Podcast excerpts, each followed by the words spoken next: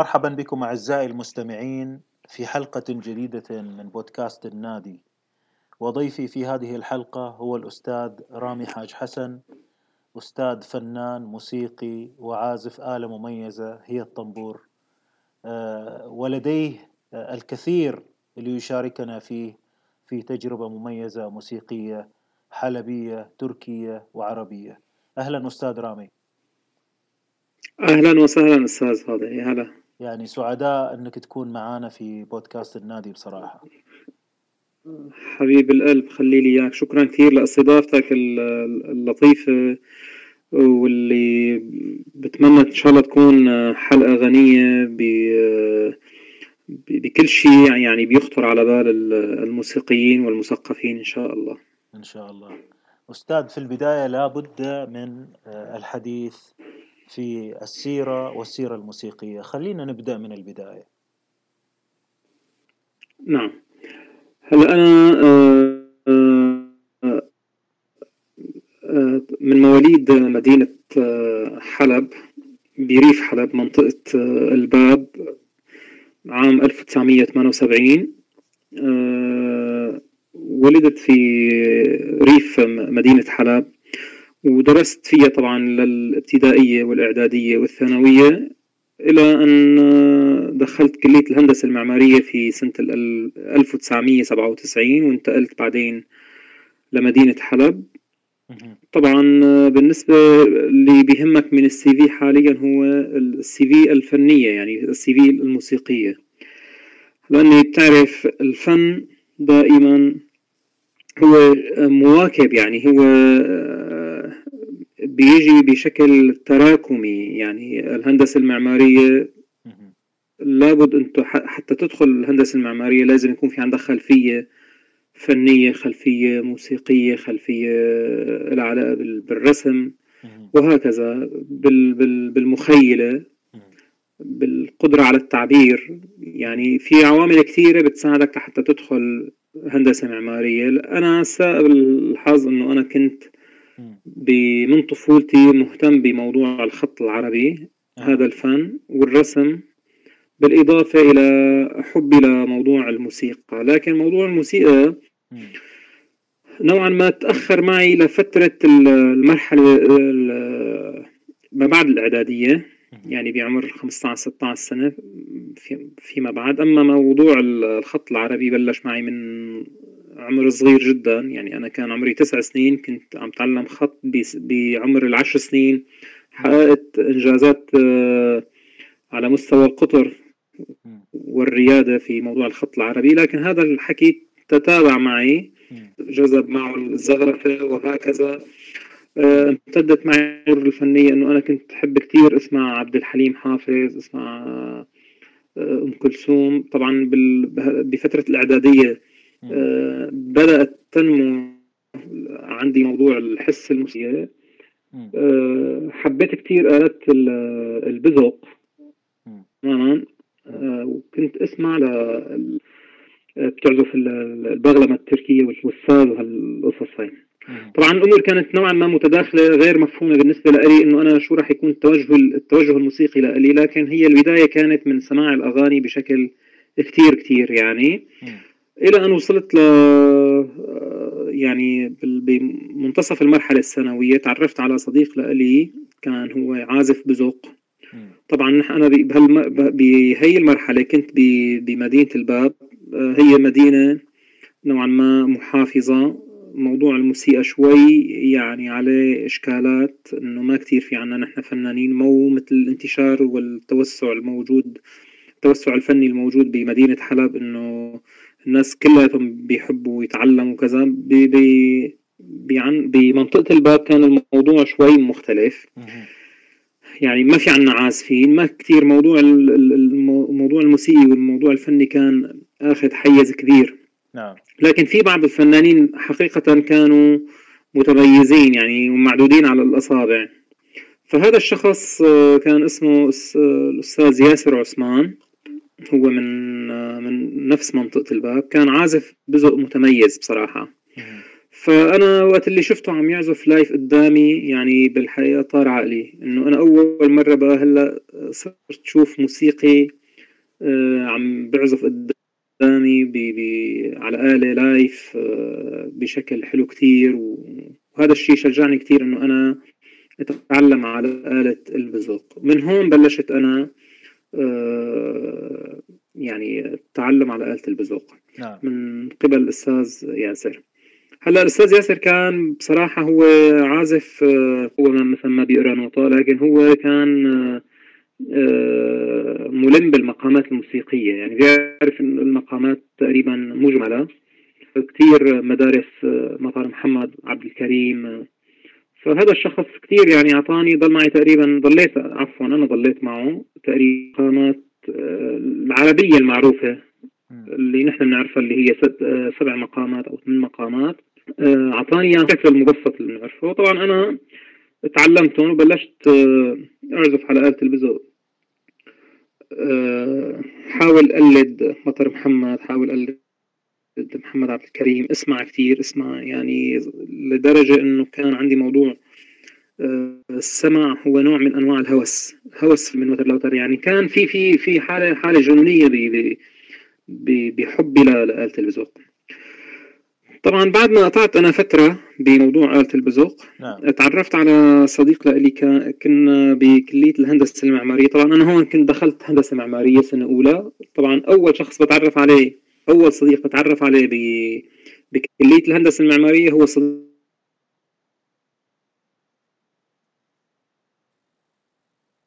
صديقي الفنان محمد جسري أو أيمن جسري. متميز جدا وكان أخذ عند أستاذ سيف الدين زين العابدين اللي هو فيما بعد صار أستاذي. فأول شخص بشوفه أنا دخلت على الكلية ما بعرف حدا.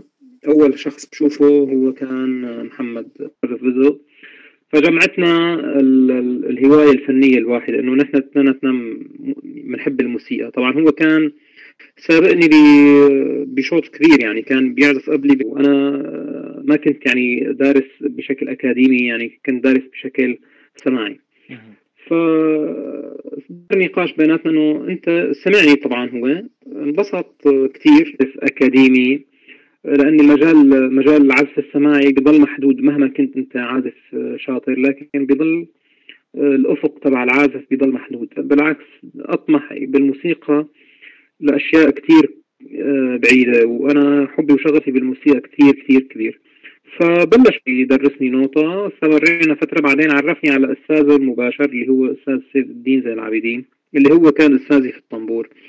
طبعا بدك تقول لي منين اجى الطنبور هلأ؟ الطنبور ببلد نحن بسوريا ما في حدا عنا بسوريا نهائيا بيعرف شو هو الطنبور التركي أو الطنبور الخرساني آه، بحكم إنه أستاذ سيف الدين زين العابدين كان آه، يعني ملم جدا وشخص عبقري أنا بعتبره بالموسيقى الشرقية والموسيقى التركية. نعم. عنده اطلاع جدا مهم ليس فقط بالآلات الموسيقية وإنما بصناعة الآلات الموسيقية أيضا. يعني هو شخص بيصنع صنع عود صنع طنبور صنع كان عنده القدرة. الشخص آه، وقت اللي شافني آه، عمل لي تحويلات ببرادي البزو مشابهة جدا للدساتين الموجودة على الطنبور لكن بالنهاية أنا لم أحصل على على على الشيء المطلوب اللي بدي إياه. إنه أنا عم بعزف بزو بأسلوب طنبور فهي كانت تجربة كثير غريبة. إنه أنت تعزف بذوق ولكن بأسلوب الطنبور نعم. بصراحة يعني هي كانت مرحلة تدريب فقط بهي الحالة. إنه أنا عم بتدرب نوعا ما على أسلوب على فقط الطنبور لكن لحد الآن أنا ما يعني ما توصل. فقررنا أنه نصنع آلة طنبور عن طريق أنه أنا أجيب آه، آه، القصعة تبع آلة الجنبوش ونفك الزند الخشبي لها ونركب ويصنع لي آه، زند كامل للطنبور فتمت هاي العملية بح... يعني عدة كاملة الموضوع. فأخذ تقريبا مننا الشغل حوالي شهرين. وصار عندي شيء اسمه آلة طنبور ولكن طنبور خلينا نقول معدني. نعم. لكن العفقات والدساتين موجودة على هاي الآلة كانت هي نفس الطنبور تماما. أه بلشنا طبعا نحن فيها أه طنبور مثلا من نجدة يشار أو بسمع من جميل بيك عم بسمع صوت مختلف تماما عن الآلة عندي لأني بحكم إنه القصعة خشبية بالأساس اللي عندي أنا معدنية.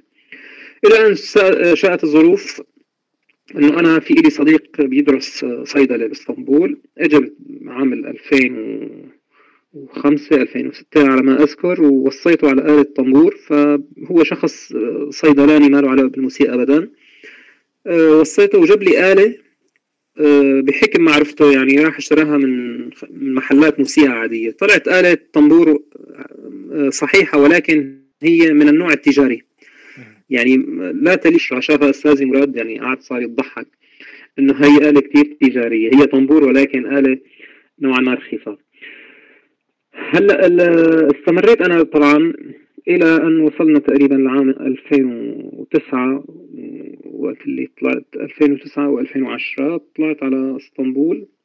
طبعا حكيت حكينا يمكن في المرة الماضية إنه أنا طلعت على مؤتمر وورك شوب عالمي مختص في الموسيقى الشرقية. آه بهذا العام أنا رحت سالم توكاش طبعا أنا أخفيك الأمر وقت اللي بلشت أنا مع أستاذ سيف كان في عندي مثل آه برنامج محدد جدا أسمع لمين من العازفين ومين؟ ما بيصير أنا أسمع له. تصور نعم. يعني أنا مثلا لازم بالدرجة الأولى لازم أسمع 90% طنبوري جميل باي 10% مثلا نجدة يشار. العاسير الجدد هلا ما في داعي اسمعهم ابدا ابدا. أه. هيك كانت رغبة أستاذي يعني إنه ما بيصير تسمع يعني أقل من جميل بيك. جميل بيك نجدة يشار درجة ثانية طبعا بنسبة صغيرة جدا جدا. رح نحكي عليها هذا الحكي هذا الحكي لاحق عليه رح نحكي فيه بموضوع بشق ثاني نعم. لكن هاي الفترة أنا أشبعت سماع من طنبوري جميل بيك بصراحة كنت آه، أسرق لحظات لحالي بيني وبين نفسي إنه أنا شوف مين في عازفين جداد اسمع صوت طنبور جديد كذا هيك. فمرة من المرات آه، وصلنا عن طريق التسجيلات آه، ما بعرف من عم بيسمعني هيك تسجيلة محملة من اليوتيوب في بدايات اليوتيوب عنا نحن هون. وهي طلعت حفلة لدكتور مراد سالم فأنا وقت اللي سمعت هذا الشخص يعني من من من كمية ال ال ال الإبداع الدقائق. صرت أبحث عنه أبحث عنه. بعدين صرت أحلم إنه أشوف مثلا مقطع فيديو لإله هو كيف عم يعزف.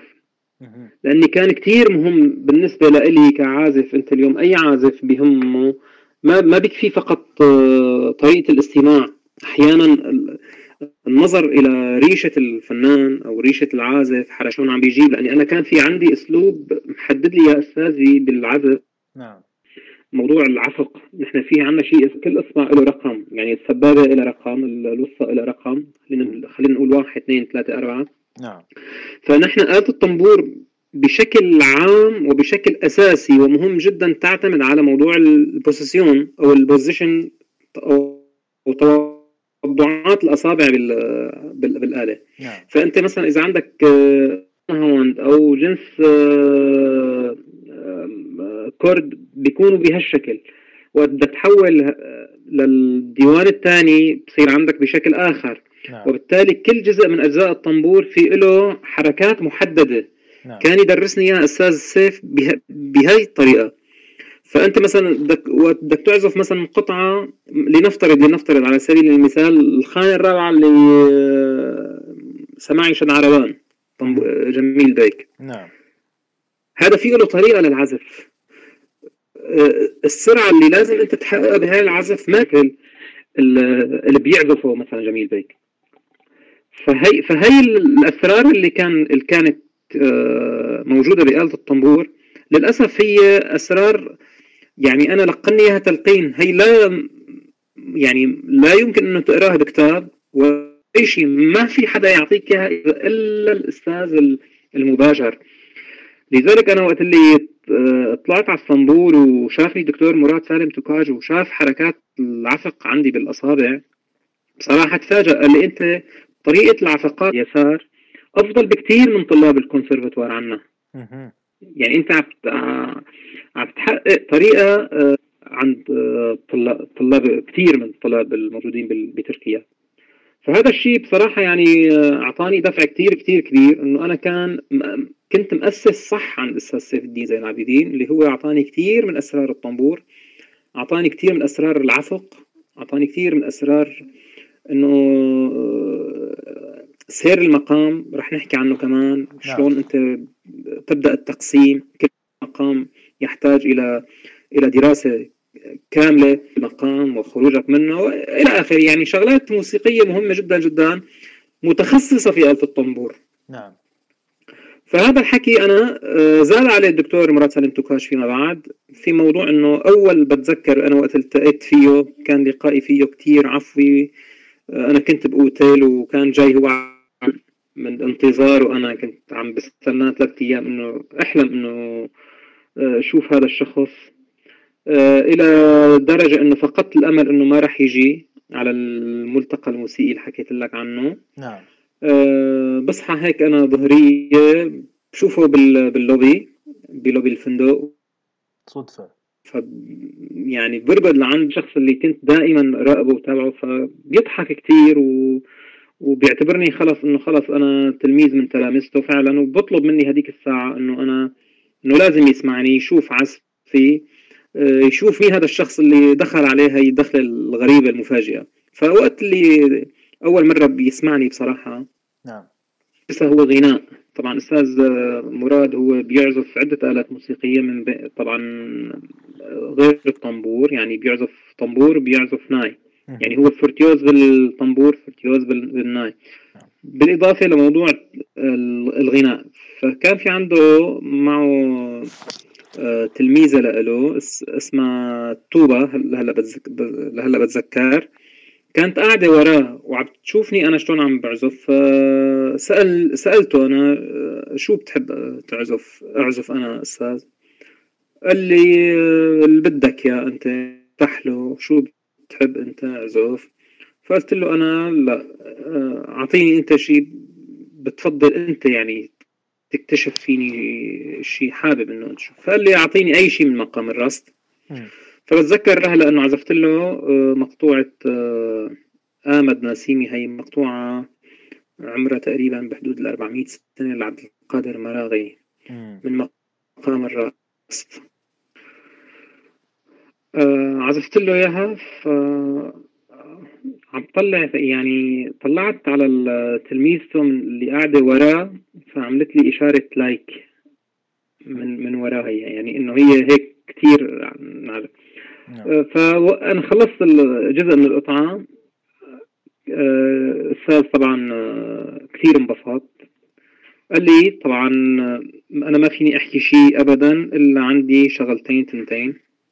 لازم نبهك عليهم وهذا الشيء طبيعي أنا بحكيه مع كل الطلاب وخاصة الناس اللي الطنبور بيكون غريب عليهم نعم. أول شغلة نبهني عليها هي موضوع آه المضرب يعني الريشة طريقة الضرب الريشة إنه في إلها طريقة خاصة لاستخراج خلينا نقول مية بالمية من طاقة صوت الطنبور نعم. اللي هي الطريقة اللي بتعطيك الباور الأعظمي هاي واحد. الشغلة الثانية موضوع إنه تركيز على إنه صوت الطنبور بعد استخراجه يجب أن يكون آه، مستكمل كافة شروطه من من ناحية الطنين الموسيقي.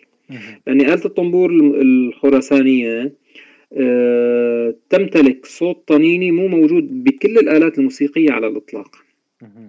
فهدول الشغلتين كثير كثير يعني نبهني عليهم. وبعدين صار يعزف قدامي. صرت أنا أفهم شوي شوي أفهم شو المقصود باستمرارية الصوت بالوقوف بالستكاتو بال بموضوع البدلات بالطنبور بموضوع الأكورات بالطنبور بموضوع الفيبراتو. هي شغلة كثير كثير كانت مهمة ومميزة بآلة الطنبور موضوع الفيبراتو. واستمرينا على هالحالة تقريبا ضليت معه على تواصل عشر سنوات فيما بعد. آه، اعزف وابعث له وهو كمان لدرجة إنه المحبة الكبيرة صارت بيني وبينه. إنه مثلا آه، أحكي معه تليفون اللي أنا مثلا نزلت قطعة فلانية أعطيني رأيك فيها شو رأيك؟ كذا هيك. يعني وصل معي لمرحلة من الثقة جدا آه، عظيمة. وكتير أنا هذا الشخص بحبه وبحترمه وهو صاحب مسيرة فنية. آخر شيء أنا آخر شيء بعثت له على ما أذكر هذا الحكي من قرابة شهر بعثت له سماعي هزام. سجلته أنا ونزلته طبعا على اليوتيوب. سماعي هزام لنورس بي نعم. طبعا هذا يعتبر من من أهم السماعيات في مقام الهزام. بعثت له على الماسنجر وكان رده بالحرف الواحد إنه آه، كتير رائع يا رامي هذا الشيء سمعته. والشغلة اللي كتير لفتت انتباهي بتعليقه إنه سيطرتك على الآلة بالحرف الواحد سيطرتك على الآلة ناجحة جدا جدا. هذا كتير كلام بصدق يعني. عزز عندي آه، ثقة كتير كبيرة بنفسي إنه أنا لازم أستمر لازم أقدم أكثر لازم حملني مسؤولية كتير كبيرة يعني هذا الكلام نعم. بصراحة. نعم نعم. فهذا الشيء آه، بصراحة يعني أنا عم حاول دائما أعمل جهدي إنه آه، أتقدم بمستواي أكثر ضيف شغلات أكثر يعني أنا بصراحة آه، براسي يمكن بتعرف حضرتك مشاريع كتير كتير لكن نحن هلأ بالظروف القاهرة اللي عم نمر فيها ببلدنا شوي عن نحن عم عم نتحجم نوعا ما بمسؤولياتنا الفنية. لكن هذا الشيء ما بيمنعنا إنه نحن إن شاء الله نقاوم ون... ونتحمل نعم. يعني نعمل شيء المأساة أحيانا تصنع المعجزات يا صديقي صحيح صحيح فإن شاء الله أنا أتمنى أتمنى من الله عز وجل أنه أدي هالرسالة هاي وكون أقدم فن آه، راقي فن ذو محتوى فني ذو رسالة ذو قيمة نعم. آه، ما يكون نوعا ما فيه استهلاكية معينة أو يعني أنا بحب الشيء نوعا ما النخبوي بصراحة يعني. مع احترامي كتير كتير للموسيقات الشعبية بحب كتير أنا الموسيقات الشعبية موسيقى الشعوب كتير. مثلا بسمع أنا الموسيقى الشعبية العربية وبسمع موسيقى شعبية إيرانية وبسمع تركي وبسمع فارسي وبسمع هندي. الموسيقات موسيقات الشعوب بتفهمك بتغوص معك بأعماق تانية ممكن أنت تستفيد منها بأي مجال. نعم. يعني أنا برأيي برأيي إنه الفنان لازم يسمع كل شيء لازم آه، يكون في عنده خلفية ثقافية عن موسيقى الشعوب. يعني بصراحة هي آه، آه، مختصر لا سيرة مميزة مختصر. أستاذ رامي. لكن خلينا نتوقف شوية عند الأستاذ سيف سيف الدين سيف الدين. أيوه يعني من وين له المعرفة والخبرة دي؟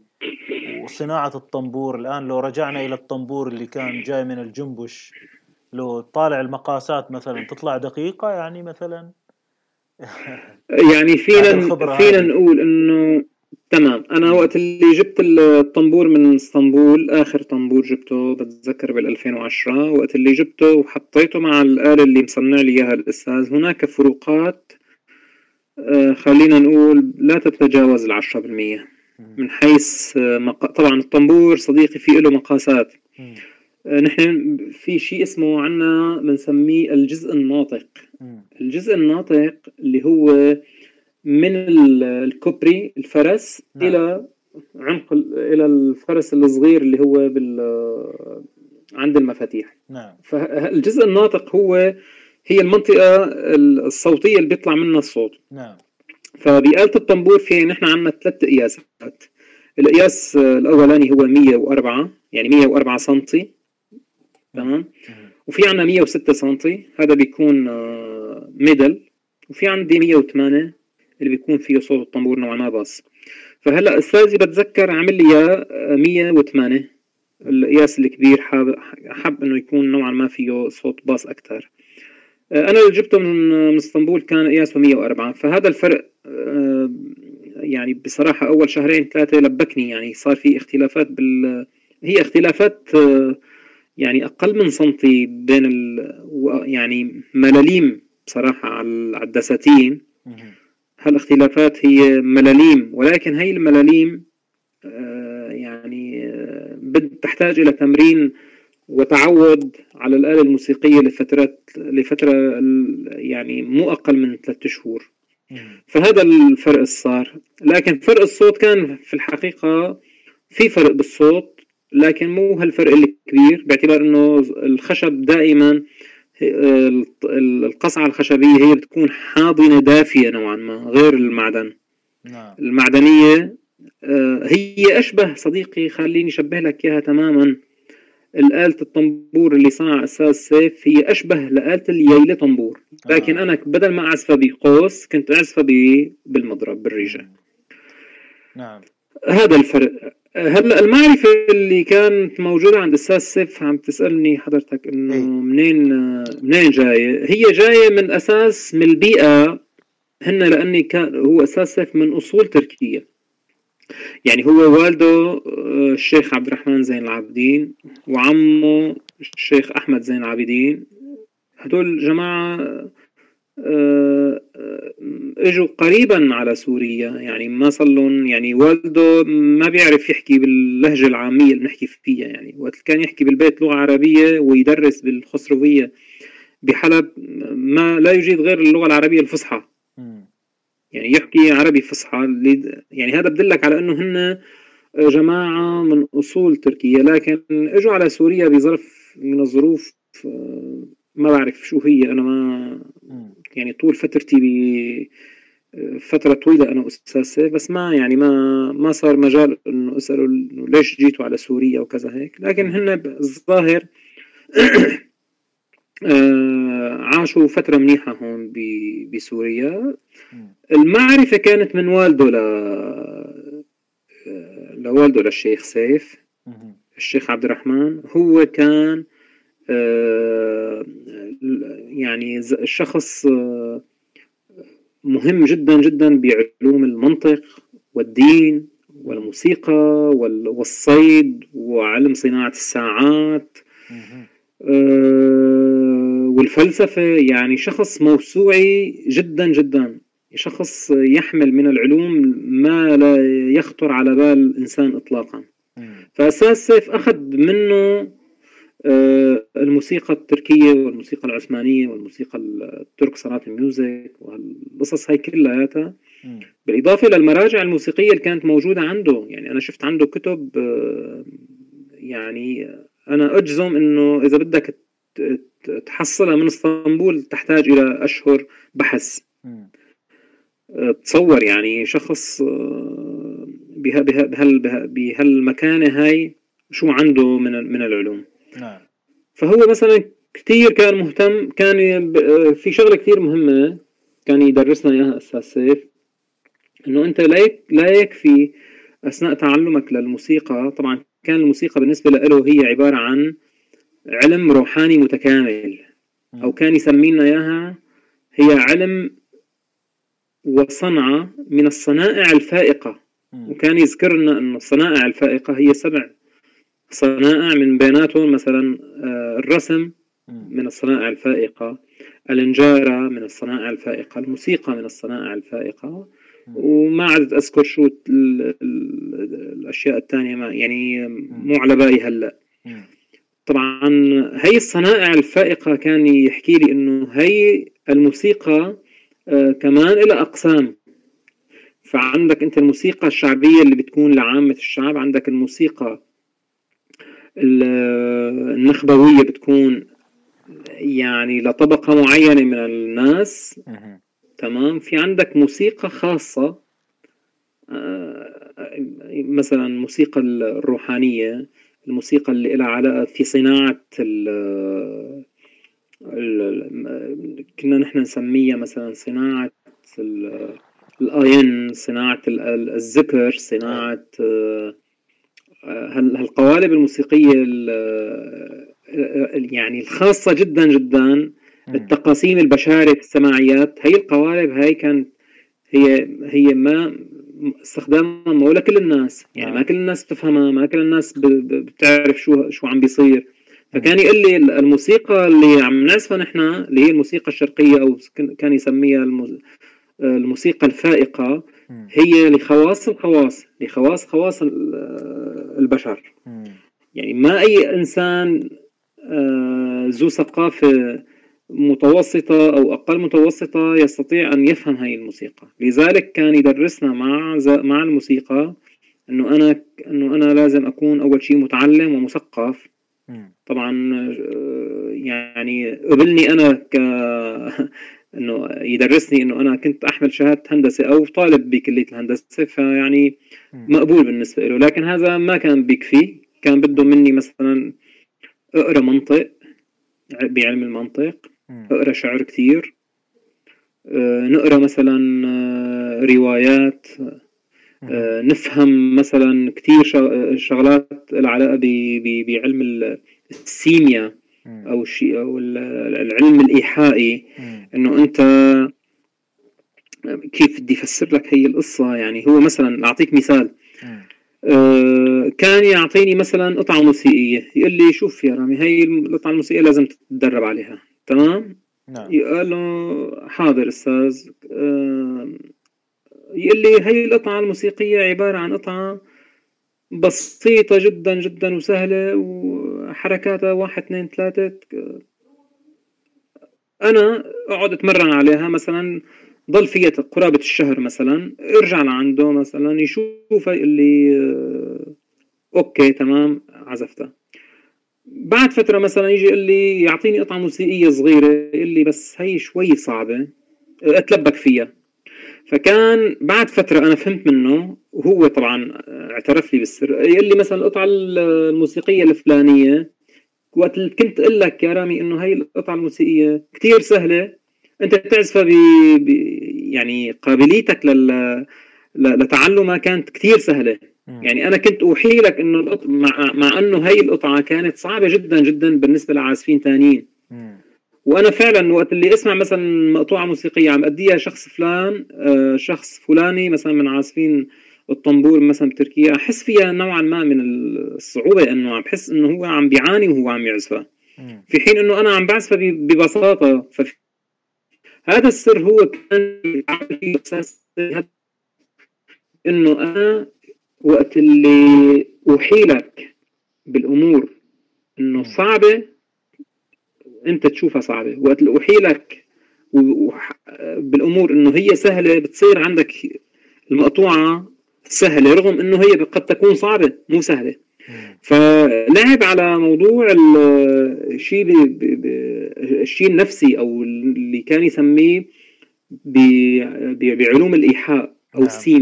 يعني آه، الحالة الإيحائية كانت تلعب دور كثير كثير كبير بموضوع التعلم. جميل جميل. فهذا يعني واضح أستاذ إنك يعني عشت تجربة ممتازة مع يمكن يعني توصف أجواء التعلم كم مرة تلتقوا كيف تتعلم؟ واضح إن الأستاذ مثلا مثل ما أنت نوهت يعني خبير نوتة خبير في المضرب خبير في الصناعة يمكن المواضيع نعم. الموسيقية موضوع المراغي والرست والأشياء اللي أطلعكم عليها خبرة واسعة يعني. تمام تمام.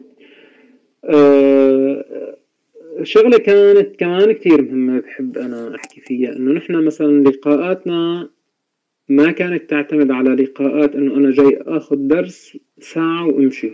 لا لا ابدا. أنا وقت اللي يكون عندي لقاء مع أستاذي يعني عندي تفرغ يوم كامل. كنت أروح لعنده اقعد ببيته المتواضع له في مكان غرف فيها مليانة كتب وآلات موسيقية وتحس إنه أنت داخل على على مكان آه، بدك تنفض من الغبرة فوق الكتب. يعني مكان بتحسه بيعطيك هذا الطابع إنه أنت جاي على مخبر. ومركز صناعة صناعة. فنقعد اعتبارا من كاسة الشاي للغداء يعني الجلسة كنا نحن نقعد فيها. تبدأ من كاس الشاي إلى الغداء إلى إلى فترات المغرب بعد المغرب. كنا يعني كان بالنسبة لي أستاذ سيف هو آه، بمثابة الأخ الكبير وأحيانا الوالد والصديق. يعني هو كان بالنسبة لي آه، شيء كتير كبير. نعم. بعدين نحن ما كان في عنا ما كان في عنا شيء اسمه إنه أنت تيجي تحضر درسك وتمشي والدروس محددة بأيام يعني. لا. فأنا ممكن كنت زوره مثلا بالشهر مرة أو بالشهرين مرة. لأني كنت اخجل على حالي إنه أنا مثلا أعطاني قطعه موسيقيه وأرجع راجعه فيها وأنا مالي محضرها تمام. فحسب حسب الحالة يصير آه اجتماعنا يعني ولقائنا. طبعا هذا اللقاء الواحد يكون فيه مو فقط بس آه تكنيك الآلة لا. يكون فيه تكنيك آلة ممكن ناخذ مقام جديد ممكن ناخذ آه قطعة جديدة ممكن آه نسمع كنا في شغلات كثير أنا مثلا أسمعها ما أفهمها. إنه ليش ليش هون مثلا جميل بيك عم بيقسم هيك عمل هيك؟ ليش هون اختلف الطرز التقسيمي بالنسبة له بين مقام الرصد مقام النهواند. يعني ليش في له تقاسيم نهواند بأسلوب له تقاسيم رصد بأسلوب آخر تماما؟ يعني فكان يدرسني كمان الحالة الانفعالية مثلا لجميل بيك الحالة الانفعالية اللي بتأثر بطريقة التقسيم. نعم. طبعا بالإضافة لذلك أنه درسنا أنه القوالب الموسيقية اللي نحن بنعرفها طبعا اللي هي البشرف السماعي الأين الكار الساز أسر التقاسيم أنا حابب كنت كتير أحكي على موضوع التقاسيم إنه التقسيم وقت اللي كنت أنا أسمع مثلا نجدة يشار طنبوري جميل بيك مسعود جميل. هدول الأشخاص وقت تسمعهم أنت بت... إذا مالك ما عندك كان خلفية آه، ثقافية عن مفهوم التقسيم الموسيقي ما راح تعرف تميز بين تقسيمة وأخرى. لأن التقسيم الموسيقي فيه له أنواع وأنا كتير ب... كتير بمناسبات بحكي دائما وبسأل كتير من الموسيقيين السؤال بسأله إنه حدا في في حدا ممكن يشرح لي أو يعطيني مثلا الفرق بين التقسيم الموسيقي والارتجال الموسيقي؟ للأسف للأسف آه، معظم الموسيقيين بقول لك الارتجال والتقسيم هو عنصر واحد. لكن في الحقيقة هذا الشيء مختلف تماما. أنا درسته وبعرفه. التقسيم الموسيقي وقت نقول مثلا تقسيم سيجا لازم تعرف شو يعني تقسيم سيجا وقت أنا بدي أقول بدي أعمل ارتجال معين خلص أنا بعرف إنه أنت بهي الحالة خرجت عن مفهوم المقام الموسيقي. ولكن وقت لي أنا بدي اليوم بدي أعمل تقسيم سيجا فأنا لازم أفهم من كلامك. وقت لي أنا بدي أعمل تقسيم سيجا إنه أنت كيف رح تدخل للتقسيم؟ شو رح تعمل بال بالجو العام؟ كيف رح تنهي؟ وين رح تروح؟ وين رح تجي؟ بأسلوب مقام السيجا لذلك أنا قلت دائما إنه التقسيم الموسيقي هو قالب موسيقي تماما مثله مثل البشرف واللونجا لكن أدواته هي الارتجال الموسيقي. بضوابط معينة. نعم. لذلك التقسيم الموسيقي يختلف بين تقسيم وآخر. وبالتالي له أنواع. يعني عندي في شيء اسمه الجريش تقسيم في شيء نعم. عندي اسمه البربر تقسيم في شيء عندي اسمه الفهرس تقسيم في عندي شيء اسمه التقسيم التابع لحالة معينة. يعني فيه سيميا أو نعم. فيه إيحاء. نعم. يعني كثير هي هي هي هي الشغلات استخدموها الفلاسفة الإسلاميين على فكرة والموسيقيين قبل مئات السنين. نعم. يعني آه، بتحب نحكي فيها؟ ما عندي مشكلة. أنا لكن هذا موضوع كثير يعني موضوع صعب نوعا ما. يعني أنا مثلا أذكر إنه أحد الموسيقيين يقال إنه طاطيوس أفندي آه، دخلوا لعنده موسيقيين فصار يعزف لهم. هن قاعدين آه، عم بي عم بيقسم لكن هو أثناء ما عم بيعزف ويقسم سمعوا صوت مجاور إنه كأني في حريقة في ناس عم تصرخ في ناس عيشهم بحالة من من الوهم. من خلال التقسيم الموسيقي إنه في حالة معينة. في هذا الشيء بثبت لك كلامي إذا بحثت بتقاسيم طنبوري جميل بيك في على آلة الكمانجا في نعم. عنده في عنده تقسيمات ممكن أبعث لك إياها وتسمعها عم بيقلد صوت الولد الطفل الصغير اللي عم يبكي من صحيح. موجوع. آه، أكيد سمعهم صديقي. إي نعم. آه، كيف كيف واحد بعدين بيسمع صوت أذان الولد بيسكت. فهي ال... هي هي حالة جدا جدا جدا جدا راقية وحالة جدا خاصة يعني حالة خاصة تماما من أنواع التقسيم الموسيقي. ما عادت مستخدمة هلأ. ما في حدا يعني ممكن يجرب لك بهالطريقة من التقسيم الموسيقي. وبالتالي هون هون الآلة أو التقسيم الموسيقي آه، راح باتجاه آخر نوعا ما خلينا نقول بعيدا عن الحالة الطربية بعيدا عن الحالة الموسيقية الفنية. يعني صار موضوع آه، انفعالي أكثر ما هو موضوع آه، مشاعر. للأسف نحن بنفكر دائما أنه الموسيقى أنه هي لازم ترقص أو لازم تبكي. لكن ما حدا بيفكر إنه هي ممكن تكون عم تطرح تساؤلات آه، مثلا قدرية عن الكون عم تطرح مسائل مثلا فلسفية عن تعاسه الإنسان حياته. في أنا بسمع أحيانا مقطوعات موسيقية يخيل إلي إنه هي المقطوعة الموسيقية بترجعك إلى العوالم ما قبل خلق الإنسان. كيف كان عم تشكل الجبل وكيف عم تشكل الزرع وكيف يعني حالات هي صديقي دائما. هذه القصص بتكون تبع لثقافة آه، الموسيقي والمستمع. صحيح. يعني هي حالات حالات إنسانية جدا جدا لازم تكون راقية جدا لازم تكون يعني واعية نوعا ما. حتى الإنسان الموسيقي يعني يستطعم فيها ويستدركها. جميل. يعني إحنا يمكن مثلا ناخذ حلقة مختصة في آه، موضوع التقاسيم وأنواعها والدلالات اللي أنت تكلمت فيها يعني هذه تستحق تكون في حلقة معك أستاذ رامي. آه تمام. إيه لكن خلينا الآن مع مع أجواء التعلم. أنت كنت مع آخرين طبعا آه، عند الأستاذ نعم. سيف سيف الدين زين العابدين ومرات تلتقوا مرات تشوفوا بعض لأن كل واحد يجي في وقت مختلف يمكن. لكن المجموعة كم نعم. عددهم وإيش البرنامج يعني حتى لو بشكل عام وبعدين ننتقل للاساتذه الآخرين يعني تقصد بكلامك مين كان يدرس عند الأستاذ سيف؟ اي يعني كيف أنتم كطلاب أعمار آلات المادة الموسيقية اليوم كيف شكله يعني؟ عبر السنين أنت كم سنة بقيت معه؟ أنا بقيت مع الاستاذ سيف قرابة يعني قرابه العشر سنوات تقريبا. نعم. عمر. آه إيه أو أكثر كمان والله. مم. يعني من 2000 2001 2002 مم. أو من 2001 تقريبا أنا مع أستاذ سيف. لا آخر مرة شفته بحلب آه، سنة 2014 نعم. ونوجه يعني له تحيه 13 سنة. أي تمام.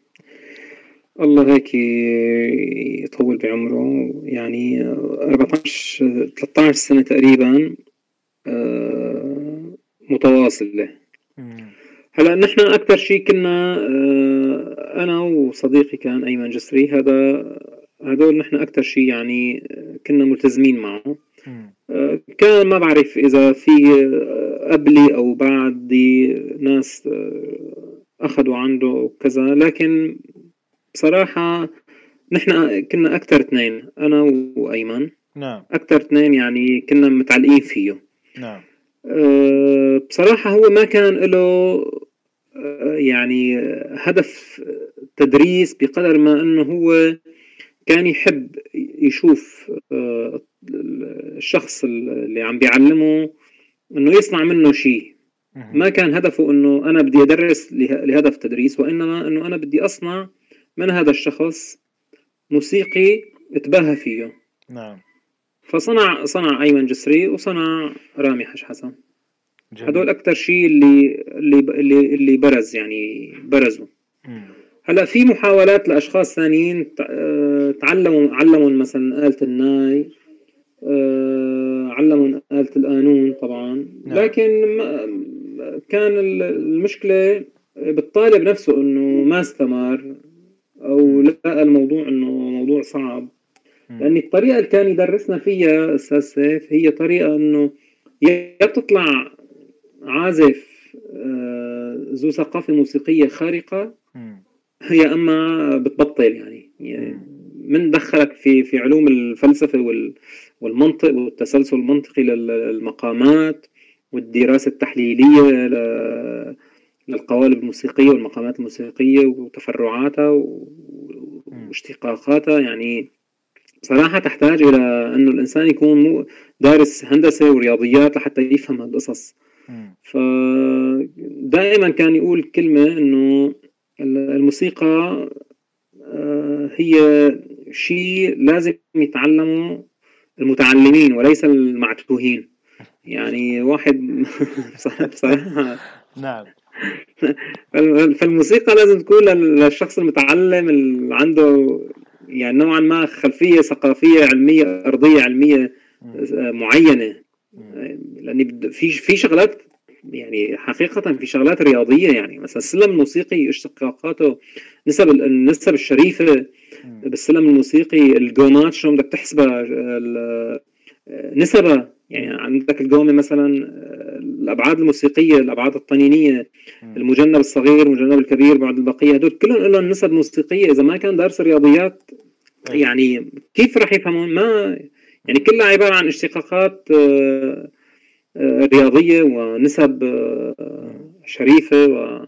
يعني قصص صعبة ما مو سهلة نعم. صراحة. نعم جميل والله. يعني هو يعني هيك بده يعلمنا إذا ما علمنا هيك ما بدخل يعني ما ما, ما كان يعطينا علم موسيقي سطحي لا. يعني ما تعلمت أنا شيء اسمه مثلا سبع سبع مقامات صنع بسحرك وانتهى الموضوع. لا ما هيك القصة. إيه. نعم. تمام. بسيط والله يعني شيء ممتع وإن شاء الله يعني تجمعنا الأيام بك وبالأستاذ ونتكلم أكثر في هذا المجال. خلينا نتكلم عن تجربتك في الورك شوب اللي ذكرته في إسطنبول وبعد ذلك علاقتك القريبة جدا من الثلاثة مرادات؟ ثلاث مرادات نعم. إيه. المراد الأول كان مراد سالم توكاج اللي هو أستاذي يعني وقدوتي بصراحة يعني بعد أستاذ سيف. هو الشخص اللي أنا دائما آه، يعني المراقب من خلالي إنه أنا دائما براقبه دائما بدي اتابع له أعماله آه، محبة فيه ودائما إنه بحس إنه أنا قريب كثير منه يعني. هذا الشخص آه، بلشت علاقتي فيه طبعا بال 2010 بالملتقى الموسيقي اللي كان على مستوى العالم تقريبا كان في من كل أنحاء العالم. موسيقيين جايين. كان في من بتذكر من الخليج من السعودية من الكويت من آه، كندا من آه، فرنسا من لندن من بريطانيا يعني. كان في ناس من سو... من آه، من سيبيريا بتذكر كان في معنا موسيقية. يعني ملتقى مهم جدا يقام بإسطنبول. يضم آلات موسيقية مختلفة. كل الآلات الشرقية والغربية. نعم. يعني كمان عود قانون ناي طنبور كلارينيت. يعني حسب الناس الموجودين وشو آلاتهم كان دائما كل مجموعة من من الموسيقيين في لهم ماستر معين. فللأسف ما كان في ما في آلة الطنبور غير أنا تصور يعني. يعني رغم إنه عدد العازفين الموجودين بتركيا للطنبور عدد كبير إلا إنه ما كان في حدا مشارك. يعني مشارك بآلة الطنبور شخص سوري تصور. نعم. اللي هو أنا. نعم. فهذا يمكن السبب اللي خلى مراد سالم توكاج إنه يجي لأني بيعرفوا على الأغلب كل عازفين طنبور بس إنه وقت خبروا إنه في شخص من سوريا جاي بيعزف طنبور جاي يشوفك وأنا حكيت مع المنسقة إنه هذا الشخص بالنسبة لي يعني يعني أنا لازم أشوفه هي قضية آه، حلم قضية حياة قضية آه، مستقبل موسيقي يعني بصراحة نعم. فإجا يعني وحكيت لك أنا كيف الطريقة اللي نزلت فيها لعنده وتفاجأ و إيه. بهي بهي الفترة نحن قلت لك إنه صارت بلشت علاقتي فيه طبعا أنا أخذت آه، صرنا على تواصل دائم صرت تقريبا كل شهرين أو كل ثلاثة شهور كل أربع شهور انزل على إسطنبول. كانت الأمور كثير علاقات جيدة طبعا. استمرت استمرينا بحدود السنتين مع بعضنا تواصل مباشر. يعني انزل شوفه أنا يومين ثلاثة وأرجع على على سوريا على حلب. بفترة الحلب انقطعت التواصل تماما. يعني ما ظل في تواصل إلا عن طريق النت. يعني شوف أنا شو منزل شو هو منزل. لأني صارت القصص صعبة بصراحة. آه هذا الشخص آه، اللي يعني كمل كمل لي الأفق الموسيقي اللي كنت أنا أسعى له.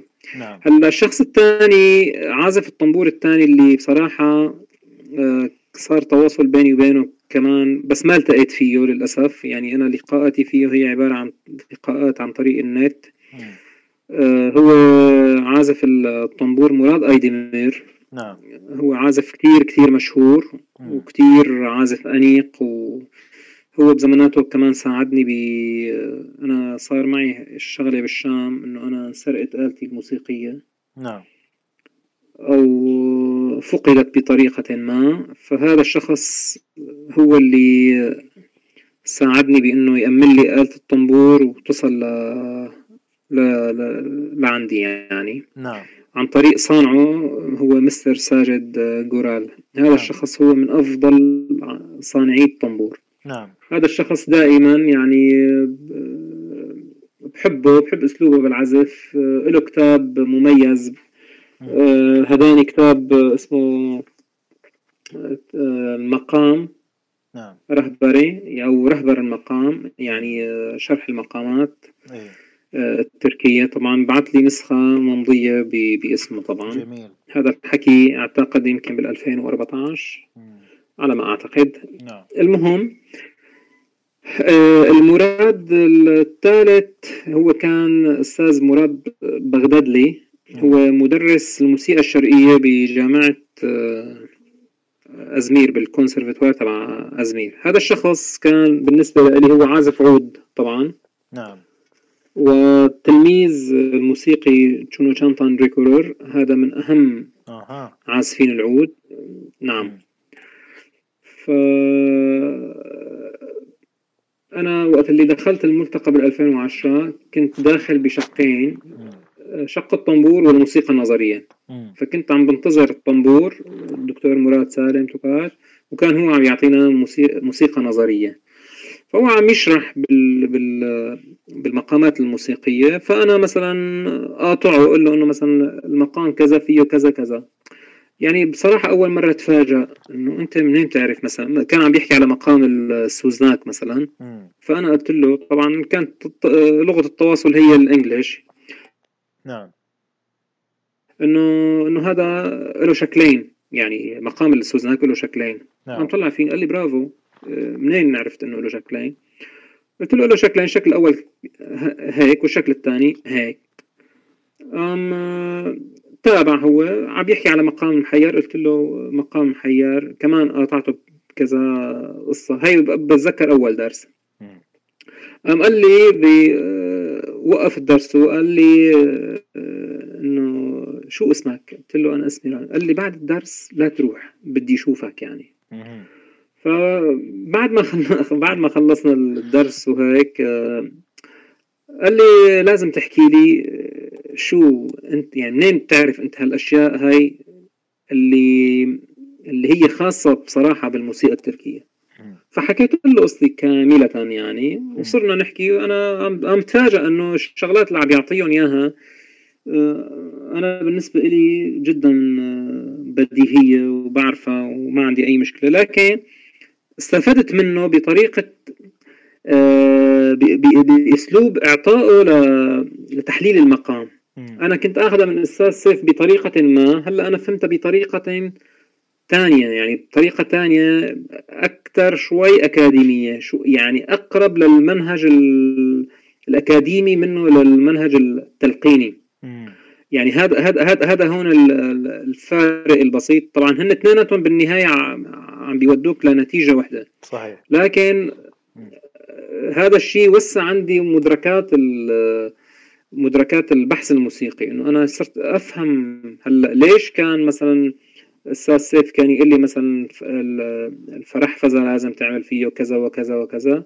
هلأ هون صار يتحلل أمامي بشكل منطقي وعملي وشيء يعني شيء نوعا ما خلينا نقول مكتوب بشكل أوضح. أها. تمام؟ إيه. صرت يعني افهم ليش مثلا هدفه الوظيفي صار واضح مثلا؟ أو التكنيكي تماما. أو تماما تماما تماما تماما تماما. أه فهمت من مراد بغدادلي فهمت من خلاله كيفية فك يعني فك من خلاله أنا قدرت فك كثير كتب بتحكي عن المصطلحات الموسيقية التركية. والشرقية نعم آه، أي كتاب موسيقي هلا أنا مثلا أمامي بقدر أفك لك إياه بكل بساطة إنه وقت بقول لك إنه آه، المقام كذا قراره استقراره آه، الأصوات القوية الأصوات المعلقة هالشروط اللي حكينا عنها في في, في سابقا بموضوع المقام الموسيقي نعم. صارت بالنسبة لي جدا جدا واضحة وصرت يعني هي سهلت لي مواضيع كثيره فيما بعد خلتني أنا آه، أقرأ وترجم وجمعت. صار عندي قصة إنه أنا جمعت الأشياء اللي أخذتها من الاستاذ سيف من الاستاذ مراد من الاستاذ بغدادلي هالقصص هاي. ودرستها وتعمقت فيها كثير وطلعت معي بالنهاية أنا أنتجت من خلالها كتاب موسيقي فيها حوالي فيه حوالي 105 مقامات موسيقية. أنا آه، قدمت فيهم دراسة تحليلية كاملة. جميل. يعني هذا هذا بصراحة هي علاقتي بي بي بي بالأساس كانت بهذا الشكل من خلال المرادات الثلاثة يعني. لا جميل أستاذ. يعني بصراحة شيء آه، تجربة مميزة وأنت قربتنا منها جدا. آه، لكن لابد من التوقف عند نقطة مهمة هنا أستاذ. إحنا شفنا طريقة التعلم. يعني أنت الآن نعم. كلمتني عن آه، علاقة منذ الهواية. يعني تكلمنا عن الهواية حتى الاحتراف خلينا نقول. آه، الهواية من من علاقة بأصدقاء إلى الانتقال إلى أستاذ ومعايشة الأستاذ ثم الانتقال إلى نعم. أساتذة من نوع آخر بلغة أخرى. والتواصل التواصل التواصل معهم عن طريق لغة أخرى والكتب والمنهج والأساليب. يعني هذه عملية التعلم متنوعة شفناها وأنت عارف إيش اللي جاب نتيجة وإيش اللي كان تضييع وقت. يعني لازم هذا الشيء نتوقف عنده. وبعدين آه، تشرح لي أستاذ بين اللي أنت تشوفه يشتغل وما يشتغل سواء في علاقة الشيخ بالمريد طريقة التدريس في المدارس العامة أو المعاهد. وتجربتك أنت في التعليم. نعم.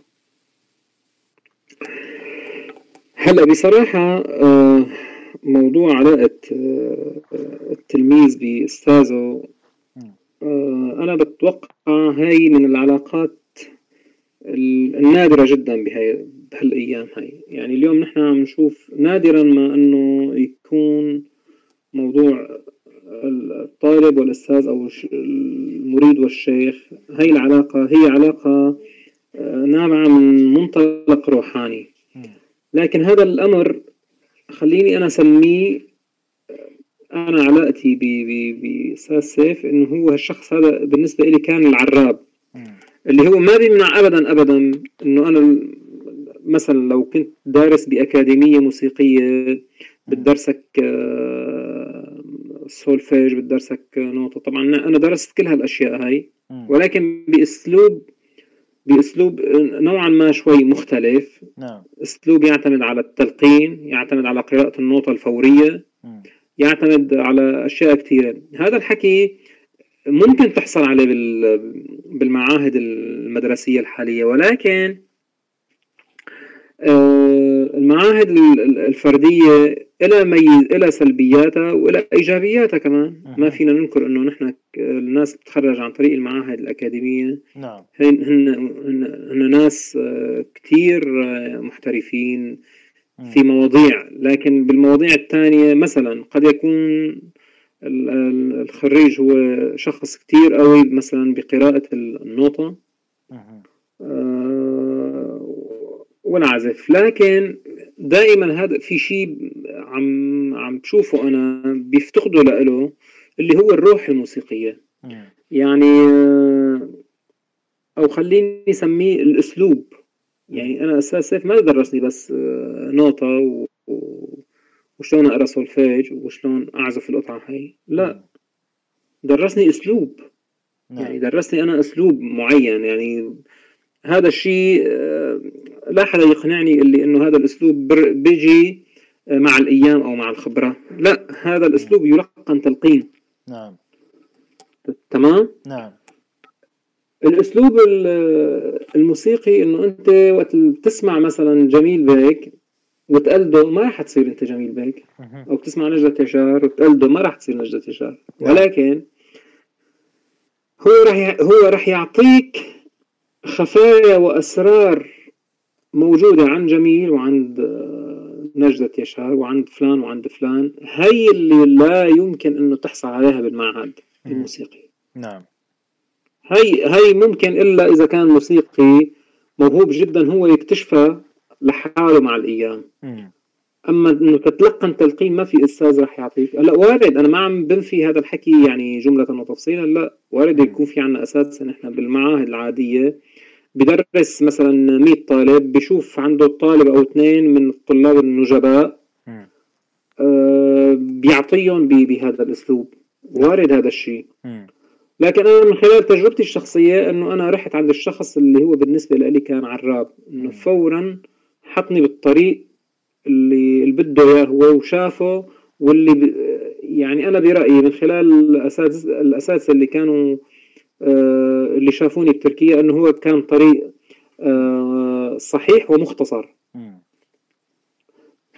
هذا هذا رأي الأساتذة الثانيين. نعم. هلأ أنا بالنسبة لي قلت لك لا يعني لا أخفي آه، دور المعاهد الموسيقية إنه هي ممكن تنتج وممكن لا. يعني ما كل من دخل المعهد صار عازف آه، يعني سوبر ولا كل من درس عن مريد هو سوبر. لا ابدا.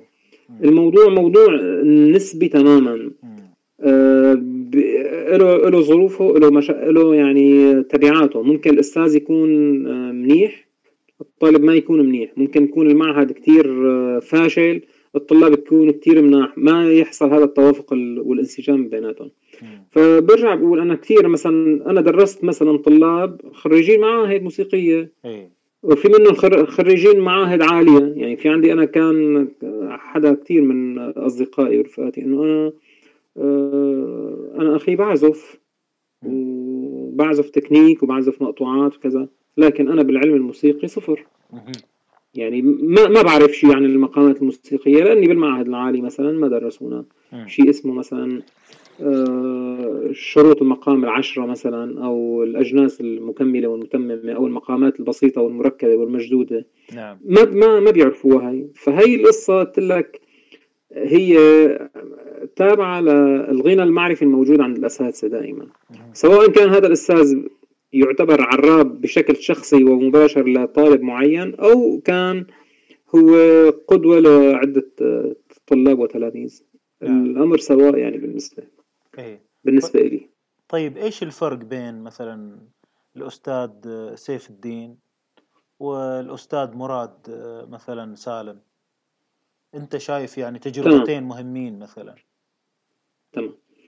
أو بغداد أه تمام. هلأ خليني أقول مثلا الفرق بين مراد توكاج وبين سيف الدين زين العابدين سيف الدين زين العابدين اولا آه، شخص موسيقي كامل ولكنه ليس عازف. في حين انه مراد عازف يعني virtuose في آلة الطنبور وبالتالي أستاذ سيف مهما كان على دراية بأساليب الطنبور. آه عم بحكي أنا على تكنيك آلة الطنبور هلأ حاليا. صحيح. خليني أميز لك الفرق. بالنسبة لتكنيك آلة الطنبور شو أستاذ سيف وشو آه، أستاذ مراد؟ بالنسبة لتكنيك آلة الطنبور أستاذ سيف آه ليس عازف آه طنبور في حين إنه مراد سالم توكاج هو virtuose في عازف الطنبور يعني super number 1 نعم. بالطنبور نعم. آه هذا هذا الشيء كتير كتير كتير كتير بيعمل قفزة نوعية بالنسبة لي. فأنا وقت اللي عم بشوف إنه آه بينفذ الحركة الفلانية بعدة أساليب في حين أنا كنت أخذها مثلا بأسلوب معين نعم. أو بتكنيك واحد ثابت أو بطريقة تانية أنا عم شوفها عند مراد بطريقة مثلا واحد اثنين ثلاثة أو عشرة مثلا. هي شغلة. الشغلة الثانية آه، في خفايا أثناء العزف ما بتظهر إلا ليكون العازف متمكن جدا جدا لحتى يقدر يوصلها للتلميذ أو الطالب. هلا لنفترض افتراض أنا عندي أساليب معينة بآلة البزق نعم. إذا ما كنت أنا آه، عازف آه، بزق مية بالمية ما بقدر بعطيه لعازف البزق آه، هذا الشيء إلا إذا كنت عازف متمرس. في حين نعم. أنه أنا مثلا أكون عندي عندي تمارين لآلة ميثود لآلة العود. ممكن أنا أعلمك مثلا حركات كثيرة بآلة العود وأعطيك تمارين كثيرة لكن في شيء اسمه النكهة أو في شيء اسمه آه، أسلوبي. أنا أسلوبي بالعزف ما بقدر بعطيك إياه إذا ما كنت أنا نفسي عازف طنبور أو عازف بزق أو عازف عود أو عازف. نعم. هي بالنسبة لآلة لآلة الطنبور. آه في شغلة كثير مهمة. موضوع آه برجع بقول لك عليه موضوع الصوت. شلون لازم أنا طالع صوت؟ شو الحركه شو الأشياء الإضافية اللي دائما هو العازف عازف الآلة دائما هو مخه مبتكر دائما. دائما عم بفكر بحركات جديدة دائما عم بفكر بقصص آه، تكنيكية آه، الطنبور إيه، فهي بتكون آه، واضحة جدا عند عازف الطنبور أكثر من اللي عنده فقط الميثود فهذا الفرق بيناتهم. يعني شخص عنده يمتلك المعلومة والقاعدة والأس اللي هو أستاذ سيف وشخص يمتلك القاعدة والأس والديناميكية. والشمولية طيب هلا شمولية المعارف من الأخرى؟ تمام. بالنسبة لشمولية المعارف أنا بتوقع أنه كان أستاذ شيء أستاذ سيف أشمل آه بكتير. يعني من, آه، من ناحية أنه كنت يعني اللغة بتلعب دور. يعني التواصل باللغة العربية وبلغة الشعر والمنطق والفلسفة والحالات الروحانية هي مهما كنت أنا ما بقدر ما بقدر يوصل لي إياها أستاذ سيف. باللغة الإنجليزية وكيف ممكن يعبر عنها وإلى آخره. فهذا الشيء كان كتير كتير كتير كتير مهم بالنسبة لي من الناحية الروحانية والناحية التحليلية للموسيقى.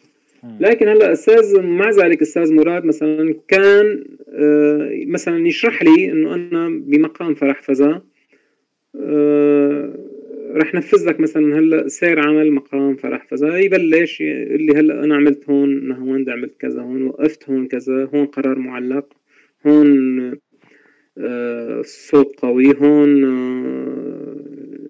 جنس كذا إلى آخره يعني يشرح لك إياه بشكل عملي نعم. طبعا هذا الحكي وقت اللي ينفذه هو ينفذه بخبرته الموسيقية وتكنيكه وطريقة عزفه. بالإضافة للأشياء اللي كان وقت اللي ينفذها إنه هي لازم تظهر لازم أنا أوقف عنها هون مع مع مثلا مع أربيج أو مع مع أكور أو مع آه فيبراتو معين. نعم. هون أنا عم بوضح الصوت كذا لأني كذا. مم. هذا الحكي أستاذ سيف كان يدرسني إياه؟ تقريبا بشكل أقل عملية ولكن بشكل نظري كامل كان كنت اخذه لكن هون هي الناحيه ناحية الشرح الشرح الآلي للمقام الموسيقي. على الاله كان الأستاذ مراد طبعا بشكل العلمي يعني العملي عفوا. من نعم. الشق النظري كان أستاذ سيف. فهي حالة بصراحة هي حالة تكامل كثير كبيرة بين بين الأستاذين بالنسبة لي. أنا هذا بشوفه من حسن يعني من حسن حظي يعني إجا يعني لا يمكن إنه أنت تجمعه ب تجمع بهالشيء بأستاذين أو ثلاثة يعني. فهي موضوع توفيق من الله يعني بالنهاية أنا بعتقد. نعم. سؤال خاطف أستاذ في هالموضوع. يعني الآن الأشياء اللي وصفتها هذه سواء عند أستاذك سيف الدين أو الأستاذ آه، مراد سالم آه، توجاك.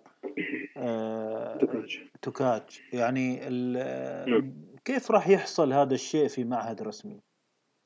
عندهم مواد محددة حصص سنوات مواد متعددة. يعني كيف الأمور هذه يقدر الطالب تحصل له فرصة يعيشها ويتعلمها؟ والله هي يا صديقي لا يمكن أنه تحصل عليها بسنة أو اثنين أو ثلاثة أو أربعة. هي تحتاج أنه أنت ك... بأي معهد موسيقي لازم يكون في له سياسة تعليم خاصة فيه. هلا سياسة التعليم تابعة لكل معهد ممكن يقول لك أنا في عندي آه، حصص سولفيج نوطة حصص موسيقى آه، آلية حصص آه، موسيقى نظرية. بالإضافة إلى ذلك هلا أنا عم بحكي لك مثلا تجربة نحن عندنا بسوريا؟ بيعتمدوا أكثر شيء على موضوع نتعلم نوتة وسولفيج ونتعلم مقطوعات. فقط. عفوا. يعني جانب تنفيذي. أما مثلا تمام تنفيذي أكثر منه. لكن تجي على الجوانب الروحانية الثانية ما يعني أنا بصراحة درست بمعهد مثلا دمشق. ما كان في شيء اسمه مثلا عندهم شيء إنه اسمه شرح المقام. يعني مثلا أعطيك مثال. أه تجي الطالبة مثلا أو الطالب عم بيعزف مقطوعة لنفترض مقام أه مثلا القطعة لونجا لرياض السنباطي تمام؟ بيعزف اللونجا. أجي أنا اسأله أه حبيبي إنه هي شو يعني لونجا؟ اللي ما بعرف. طب أقول له شو يعني فرح فزان يقول لي اسم المقطوعة مثلا. قال له لا اسم المقام. طيب شو مقام؟ ما ما, ما في حدا يدرسه يعني شو مقام. خلص هو بيمسك النوطة بيقرا مثلا قرا النوطة بيقرا لك إياها نوطة سولفيج وخلص بيعزف لك إياها بغض النظر عن جودة العزف. طبعا إذا كان في أستاذ منيح ممكن يزيد من جودة العزف. إذا كان أستاذ ما كتير منيح بضل مستواه مترهل هذا هو. لكن تعطيه مثلا آه، قطعة مثلا سماعي آه، يقا. تقول له شو يعني سماعي؟ بقول لك ما بعرف. شو يعني يقا؟ ما بعرف. بس بيعزف لك القطعة تمام؟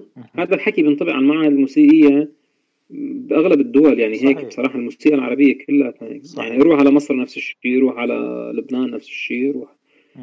إلا بقى هدول المراجع الموسيقية المتخصصة هاي عم بيعتبروها للأسف هي نوع من زيادة الثقافة أو الكمالية.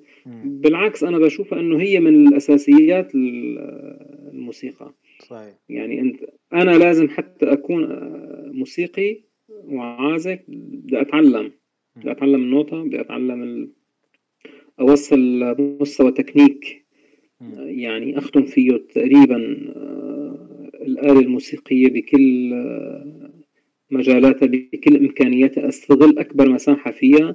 بنفس الوقت لازم أكون على على اطلاع بالمقامات الموسيقية بالمقامات الشرقية المركبة وغير المركبة. يعني حكينا كثير بموضوع الموسيقى النظرية يمكن وأساليبها. فهذا شق الموسيقى النظرية إيه مهم, مهم موضوع جدا. مهم جدا جدا. في في نقطتين سريعين هنا أستاذ. آه، وأنا جدا مستمتع بالكلام. لذلك يعني تارك المجال وإن شاء الله ما تعبتك معاي. آه لا لا نقطة سريعة هي لما قالوا لك الأساتذة الأتراك أن أنت تعلمت الأشياء هذه بطريق مختصر. في المقابل هذا الطريق المختصر هو قرابة العشر سنوات. يعني إيش الطريق الغير مختصر إذا وتونا ذاكرين وتونا ذاكرين المعاهد ونتائج المعاهد. آه، أنا بقول لك يعني بصراحة المعهد الموسيقي إن كان معهد موسيقي متوسط ولا كان معهد الموسيقي العالي هو بتتخرج منه وأنت تملك من الموسيقى بحدود العشرين بالمية. ما أكثر. ما تبقى بصفي عندك جهد اجتهاد شخصي. يعني هلأ أعطيك مثال كل خريجي المعاهد العالية عندنا مثلا بيتخرجوا عازفين آه، جيدين. ولكن هذا بيتخرج عازف ما بتخرج موسيقي. يعني ما بإمكانه آه، يعني تسميه إنه صاحب أسلوب معين.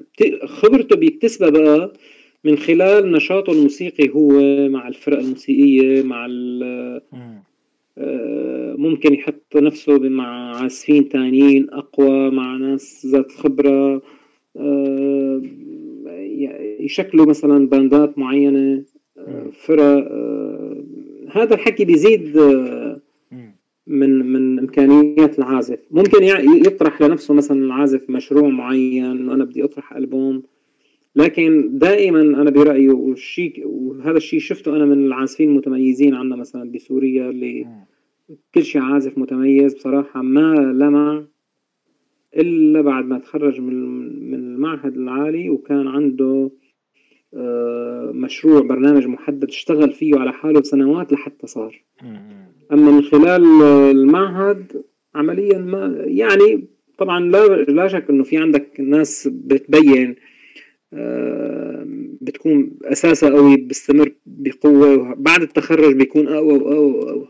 إي نعم. في حين إنه مثلا الطلاب العادية بوصل مستوى معين بتخرج إنه أنا خلص صرت خريج معهد موسيقي واسمي موسيقي وما في داعي أعمل شيء ولا أتطور ويكون في عنده حالة الأنا كثير كثير كبيرة. وهذا الشيء بنعكس عليه فيما بعد وضل عازف أقل من عادي. نعم.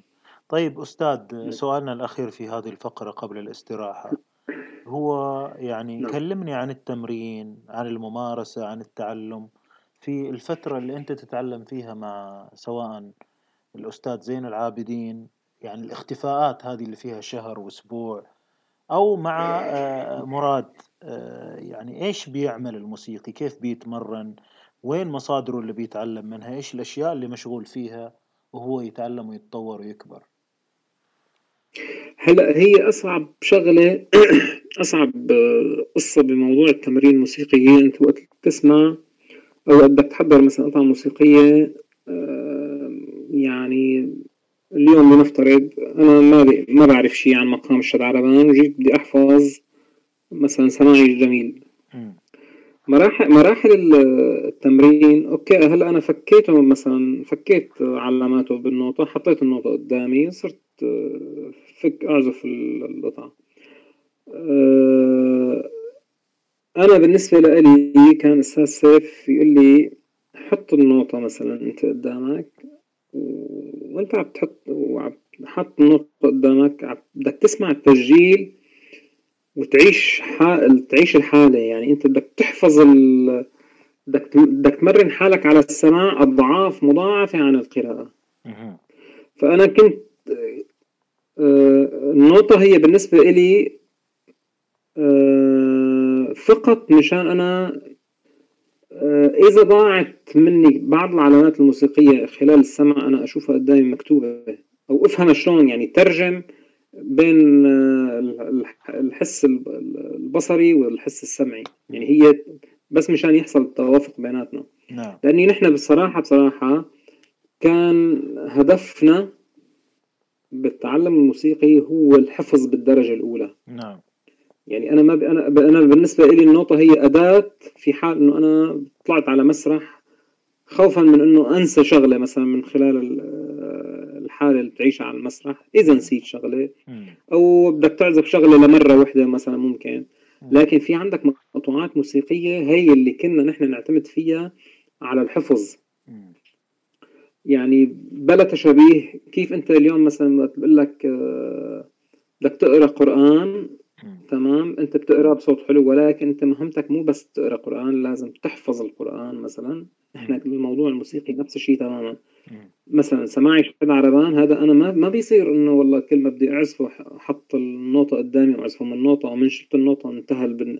انتهت القطعة الموسيقية. لا كان الموضوع بالنسبة لنا موضوع الحفظ هو الموضوع السمعي شاق جدا. يعني أنا أقعد مثلا أسمع مئات المرات وآلاف المرات أقعد أنا أسمع طول ما أنا بالشارع رايح على شغلي رايح على الكلية رايح على على اي أي رايح على السوق. أنا حاطط السماعات عم بسمع آه، القطعة اللي بدي أحفظها. نعم. لدرجة إنه أنا آه، غنية وأنا نايم. إنه نعم. في خلص بده يعني بده يصير موضوع آه، شبه بديهي بالنسبة لي. طبعا هي هذا بعد ما بعد بعد مرحلة فك النوطه صح.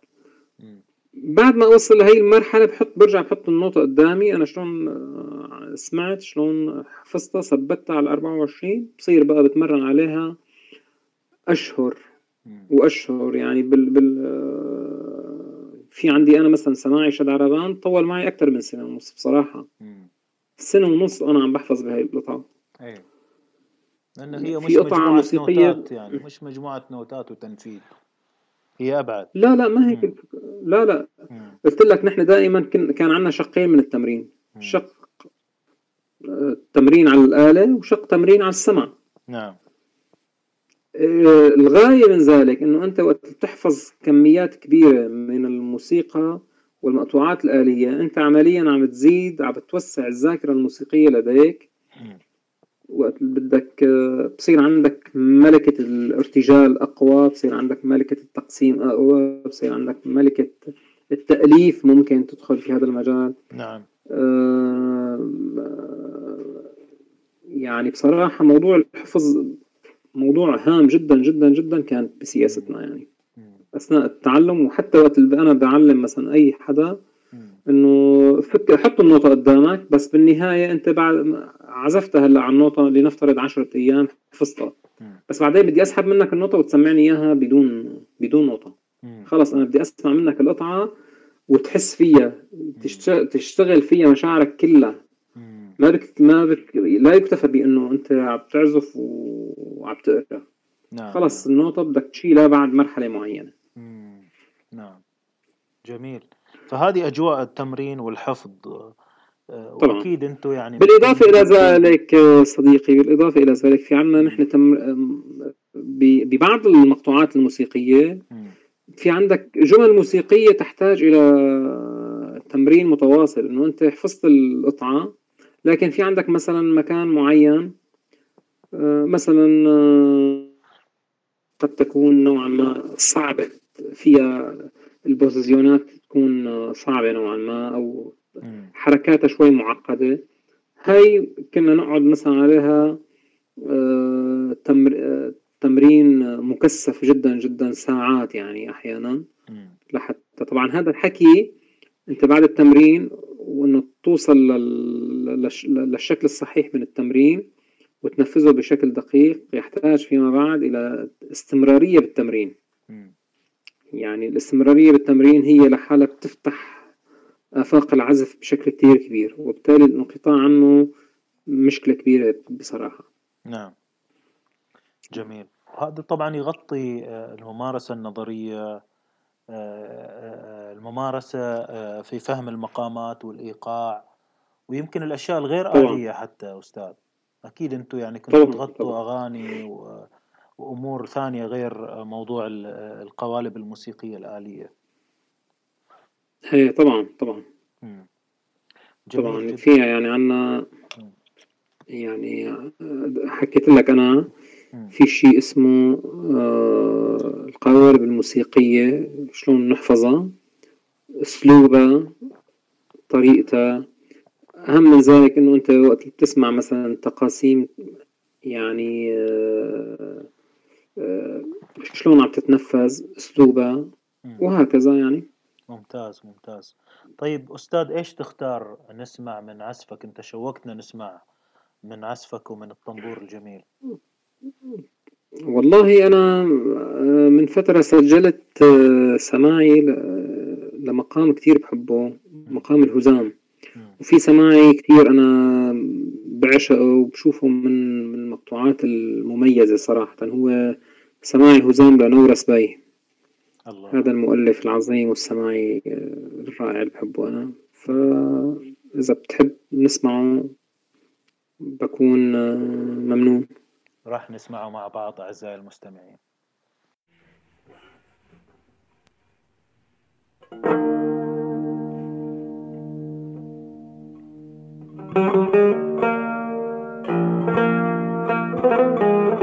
you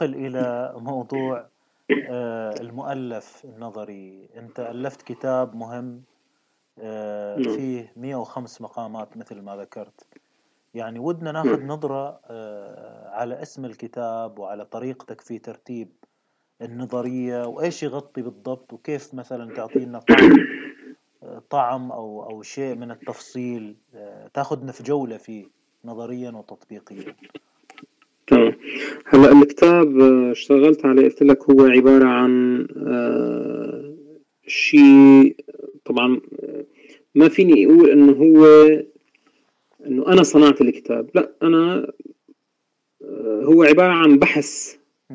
أنا عملت إعادة صياغة بشكل يعني بترتيب المقامات بمفهوم طبعا المقامات الموسيقية موجودة ما أنا اخترعتها وألفتها طبعا. نعم. أنا بحثت فيها وأوجدتها وعملت لها طريقة آه، دراسة تحليلية لها. من خلال أنا دراسة طبعا هذا الكتاب أنا اشتغلت فيه فترة قرابة الخمس سنوات.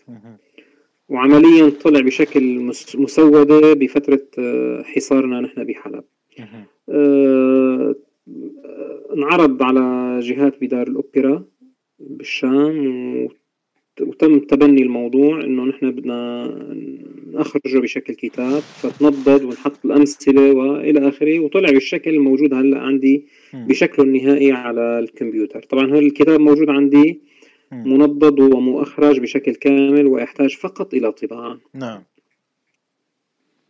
هذا الكتاب اسمه علم المقامات الشرقية. نعم. دراسة تحليلية ونظرية.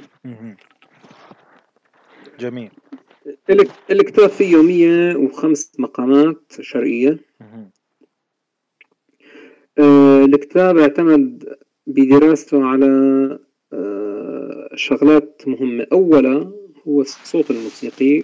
بلشنا نحن من الصوت الموسيقي. نعم.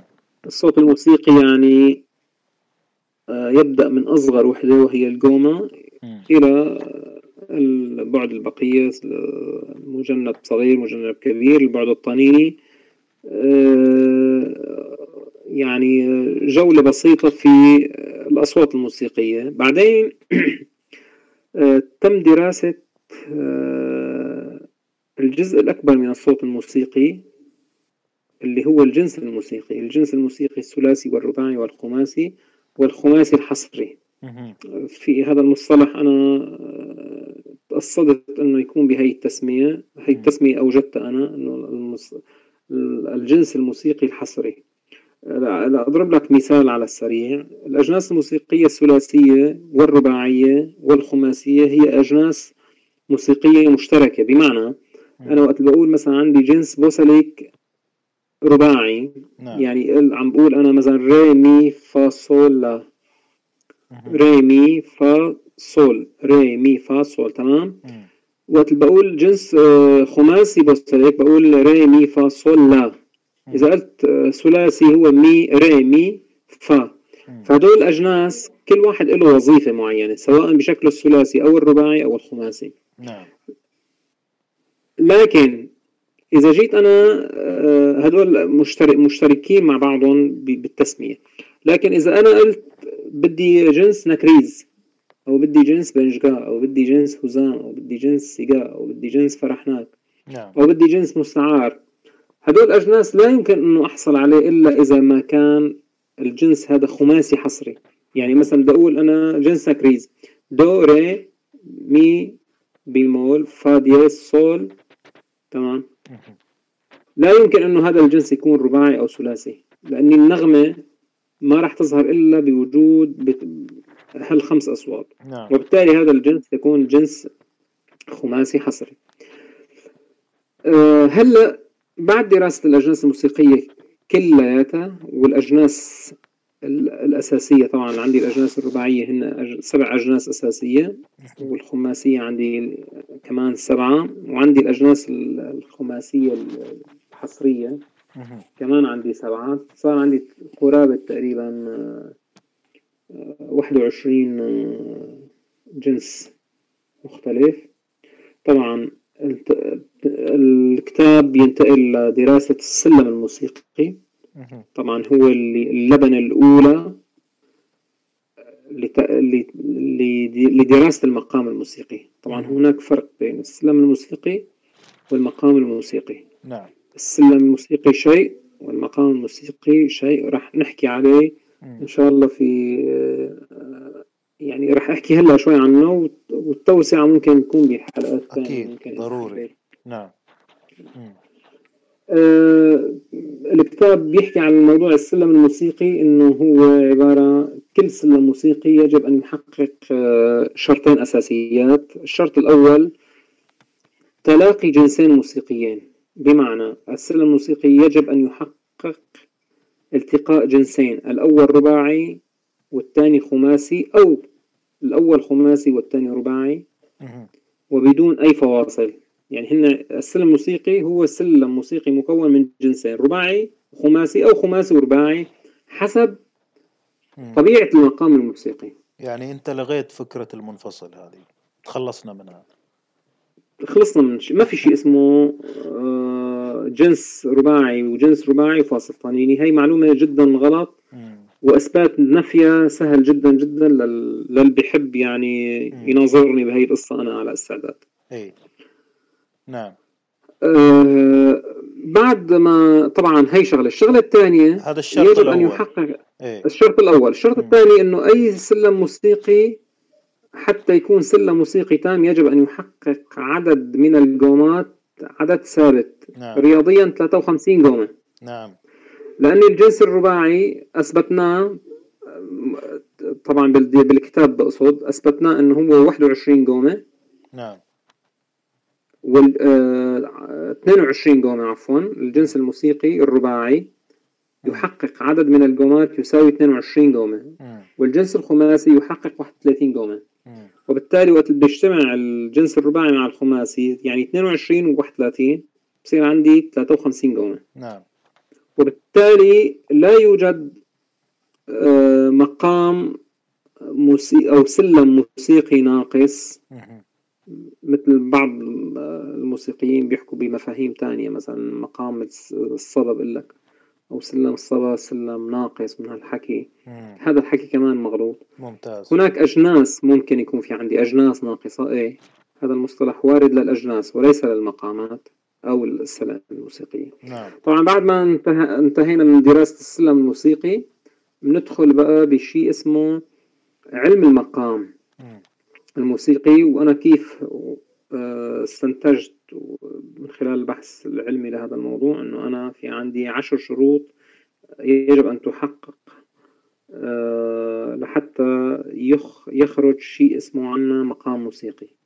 وأنا كتبت عدة مقالات عن هذا الموضوع نشرت في في مقال كثير مهم للي بحب يطلع في في مقالة اسمها المقام الموسيقي منظومة علمية. نعم. بشرح لك فيها العشر مقامات. طبعا بالكتاب الموسيقي كمان موجود عندي العشر مقامات. راح أذكر لك إياهم على السريع. الشرط الأول خلينا نقول اسمه الاستقرار أو قرار المقام استقرار المقام. الشرط الثاني هو آه، سير المقام طبيعة سير المقام. يعني هل المقام هذا أسلوب العمل فيه من ال...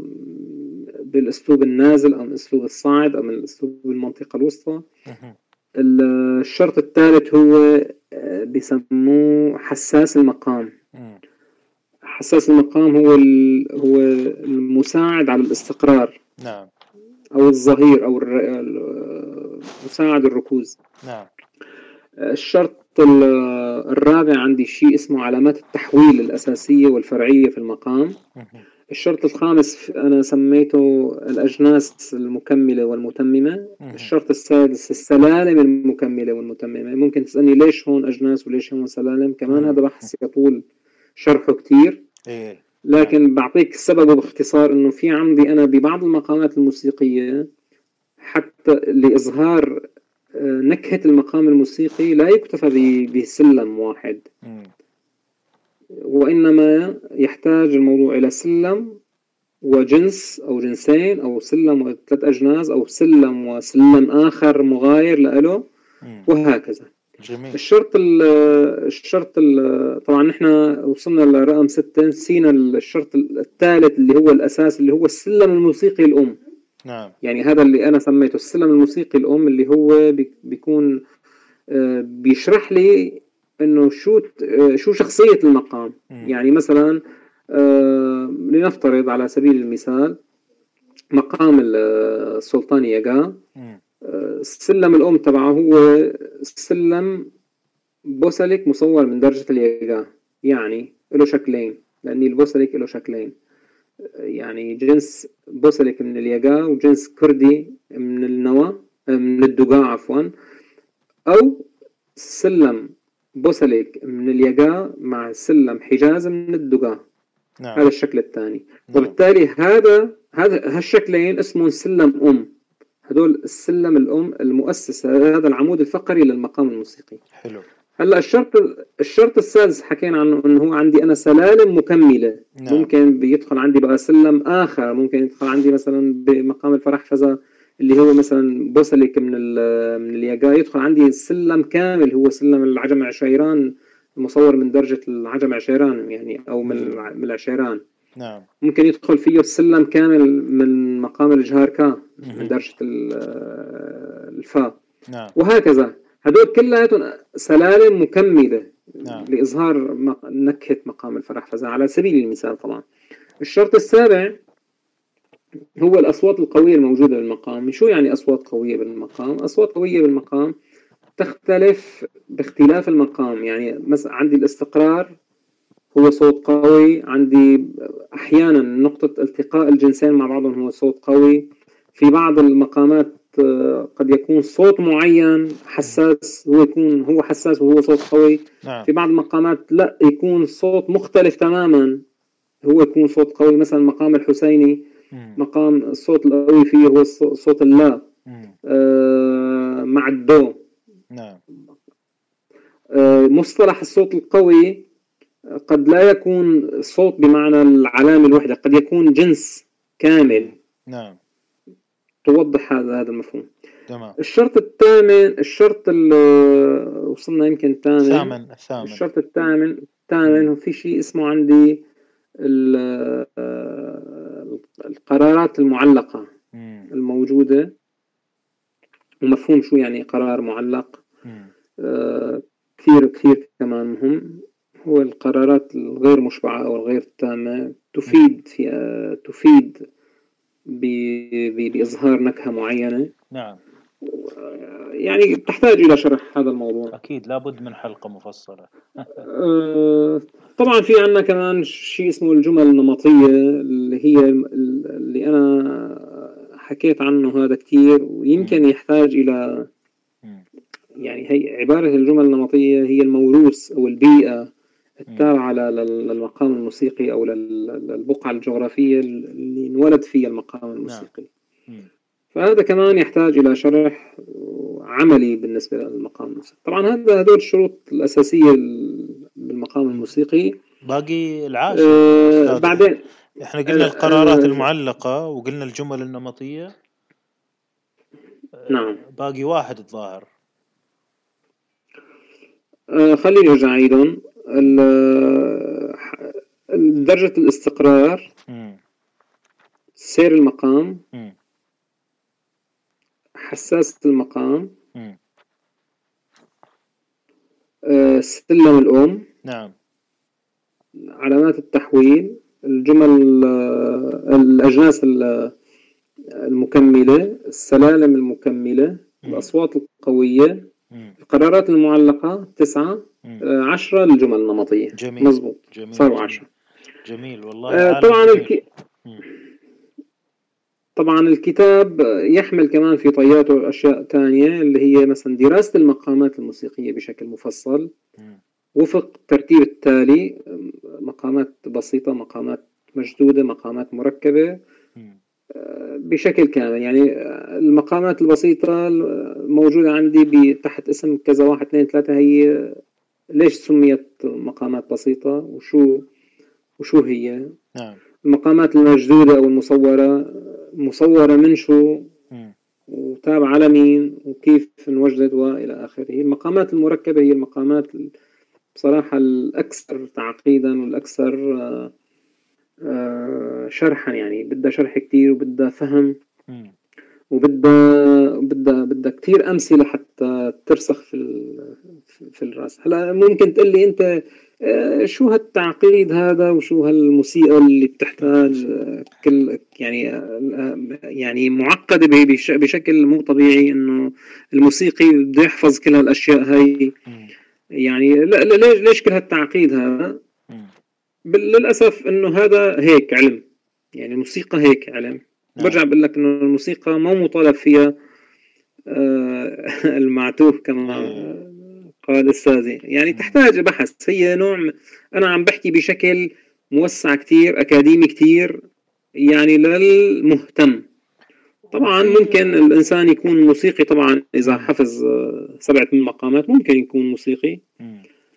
لكن آه، الثقافة الموسيقية والاطلاع أنا برأيي شيء كتير مهم. إيه وبعدين في فائده عملية من وراء التعقيد ومن وراء التفصيل. والترتيب والتصنيف. آه، أكيد مليون بالمية. من من جميع النواحي. أكيد أكيد. مم. نعم. جميل. وطبعا أكيد في أمثلة أستاذ في الكتاب. هل أنت مضمن الكتاب؟ آه، إرشادات أمثلة, أمثلة صوتية وقطع وقوالب آه، بحيث الكتاب فيه يشوف يعني إيه. طبعا لنفترض أنه أنا حكيت مثلا عن مقام سوزديل. شرحنا فيه شرح تفصيلي عن المقام. آه، بيخلص المقام في مثلا خلفه نوطة لمثلا سماعي سوزدل أو بشرف أو أي قطعة بتشرح المقام. المقام المركب. نعم. آه، انتهى مثلا شرح آه، مثلا مقام من من العزبر بوسليك لنفترض. شرح مقام عزبر بوسليك في له مثال. آه، شوق أفزا له مثال. كل المقامات الموجودة أنا اللي ضمنتها أنا بكتابي كلها مرفقة بأمثلة. يعني كل مقام في وراه مثال. نعم. منوط مكتوب. أي موسيقي بيمسك المقام بيقرأ بفهم شرحه بعدين بينتقل للنوطة بيعزفها بصير عنده فكرة. جيدة يعني عن عن المقام الموسيقي. وأكيد مربوطة بتسجيلات معروفة لكبار العازفين والملحنين. أكيد أكيد. أنا أنا حاولت إنه ضمن الكتاب بقطع موسيقية قدر الإمكان تكون معروفة وبنفس الوقت القطع اللي آه، ضمنتها أنا يعني أنا مثلا مثال مثال. في عندي آه، مقام آه، لنفترض فرح فزا. في في كثير سماعيات مثلا فرح فزا لكن أقوى مثال بيشرح مقام الفرح فزا هو سماعي جميل بيك. في مثلا في سماعي مثلا لعودي أرشاق في سماعي لشريف محي الدين حيدر.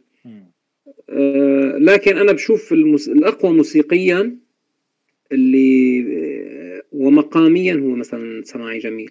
مو لأني جميل بس ألفه لأني بيحتوي كتير آه، تفاصيل يعني شامل الموضوع بشكل أكبر. لنفترض مقام الكورديلي حجاز كار. هذا المقام أنا مثلا حطيت وراه لنفترض سماعي طاطيوس أفندي.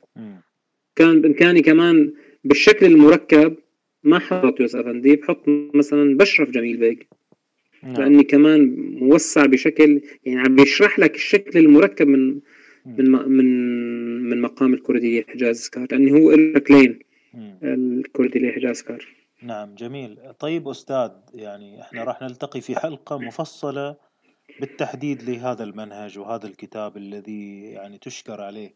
لكن نطمع في جولة ولو سريعة في أحد المقامات. نعم.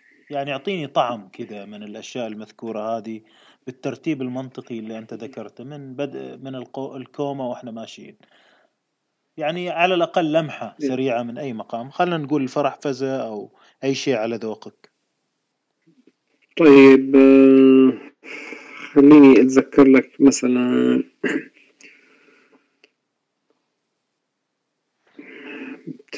مثل شو؟ أي طيب. شيء بسيط يخلي المستمع ياخذ فكرة عن كمية الشغل والأشياء المرجوة من مثل هالمنهج هذا والمرجع. طيب. خليني أحكي مثلا لنفترض عن مقام يكون نوعا ما يكون بسيط ما يكون مركب. لأني بصراحة المقامات المركبة شوي آه، بخاف يصير التباس شوي عند المستمع يعني تكون في حلقة خاصة. ما بدي أي ما ما بدي اعقد الموضوع كثير لنفترض لنفترض مقام مقام سيجار مثلا. شوي مقام السيجار في التباس بين طريقة الشرح العربية وطريقة الشرح التركية. خليني أخذ لك مثلا مقام آخر. خليني أخذ لك مثلا مقام مقام كرديلي حجاز تمام؟ نعم. هلا مقام الكرديلي حجاز كار أو أو الحجاز كار كرد نحن بنسميه. نعم. هو اسمه كرديلي حجاز كار. طبعا هلأ بدي أدرسه من خلال شروط المقام اللي حكينا فيها نحن مثلا. نعم. لنفترض أول شيء نحن حكينا بدرجة الاستقرار. درجة الاستقرار هي آه، درجة الرست. هلا في بس هيك نقطة صغيرة أنا حابب أحكي فيها قبل ما أدخل بالشرح الموسع للمقام. إنه أنا كتير كتير بعتمد على طريقة آه، بكلامي على موضوع الأسماء الشرقية للعلامات الموسيقية. يعني أنا مثلا ما فيني أقول آه، الكرديلي حجاز كار درجة استقراره هي الدو. إيه؟ ما بسمي ما بقول دو بقول رست يعني نعم خلاص معروف. أنا ما بفضل إنه تكون هيك. تمام. نعم.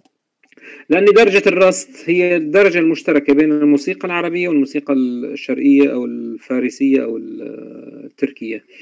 آه، لأني نحن من يعني وقت نعزف درجة الرست بنعزف دو نعم. في حين هن بيعزفوها مثلا آه، صول. نعم. تمام؟ وهكذا في اختلاف شوي بالعلامات. نعم. آه خلينا نبلش من مقام كرديلي حجازكار درجة استقراره هي درجة الرست تمام؟ نعم. طيب. الشغلة الثانية الشرط الثاني أسلوب السير أسلوب العمل. نعم. أسلوب العمل هو بالأسلوب النازل. يعني شو أسلوب النازل؟ يعني ببلش أنا بطريقة عملي من الجوابات باتجاه القرارات. ما في أنا بلش من القرار من الدو وأنا طالع. بدي بلش من الجواب. نعم. تمام؟ هلأ حساس المقام حساس المقام هو درجة العجم عشيران. يعني درجة السي بيمول الجواب. تمام؟ نعم. هلأ بالنسبة لعلامات التحويل في عندي أنا آه، علامة تحويل هي علامة المي بيمول اللي خليني أسميها باسمها الشرقي اللي هي علامة الكردي وعلامة آه، النيم زيركولا والنيم حصار هدول خليني أسميهم أوضحهم شوي للمستمع. الكردي هي المي بيمول النيم زيركولا اللي هي دو دياز نعم. والنيم حصار اللي هي اللا بيمول نعم. طبعا هدول أبعادهم بتكون هي أبعاد آه، آه، أبعاد البقية يعني أربعة كوما أربعة كوما أربعة كوما. نعم. إذا واضح الكلام ما بعرف. لا واضح أكيد. آه، هلأ هلأ السلم الأم السلم الأم لمقام الحجاز كار هو عبارة عن جنس كردي من من الراست مثل ما حكينا. م. يعني دو ري بيمول مي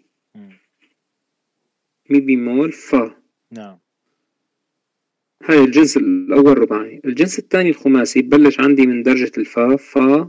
طبعا جنس بوسليك نعم. راح يكون عندي. جنس البوسليك راح يكون فا صول لا بيمول سي بيمول دو. نعم. واضح؟ واضح. الجنس الأو... الجنس الأول جنس كردي من درجة الراست نعم. يعني ري دو ري بيمول مي بيمول فا نعم. أربع علامات مم. الجنس الثاني هو جنس بوسليك من درجة الجهاركاه يعني من درجة الفا نعم. وبالتالي فا صول لا بيمول سي بيمول دو جميل هلا هذا السلم الأم بالشكل السلم الأم. يعني هذا العمود الفقري اللي أنا رح يتشكل فيما بعد عندي الأجناس الثانية. نعم. هلأ بنجي لشيء آه اسمه الأجناس المكملة. نعم. يعني آه، بعد أنا ما حققت الجنس الأول اللي هو الكردي من الرست والبوسلك من الجهاركا نعم. في عندي جنس مكمل ثاني اللي هو جنس الكردي من علامة الكردانية يعني من علامة الدو جواب نعم وبالتالي آه، بهالحالة هي توسع المقام صار في صار في عندي ثلاث أجناس مم. يعني الجنسين الأساسيات اللي هن بشكله سلم الأم نعم زائد الجنس الثالث اللي هو من الجواب لازم يحقق. بالإضافة لذلك الجنس الثاني الموجود أنا عندي لازم أنا يدخل في عندي آه، بمقام ال- الكرديلي حجاز كار لازم يكون في عندي جنس نكريز من الجهاركاه يعني لازم يكون عندي من الفا فا صول لا آه، لا بيمول طبعا. سي بيكار.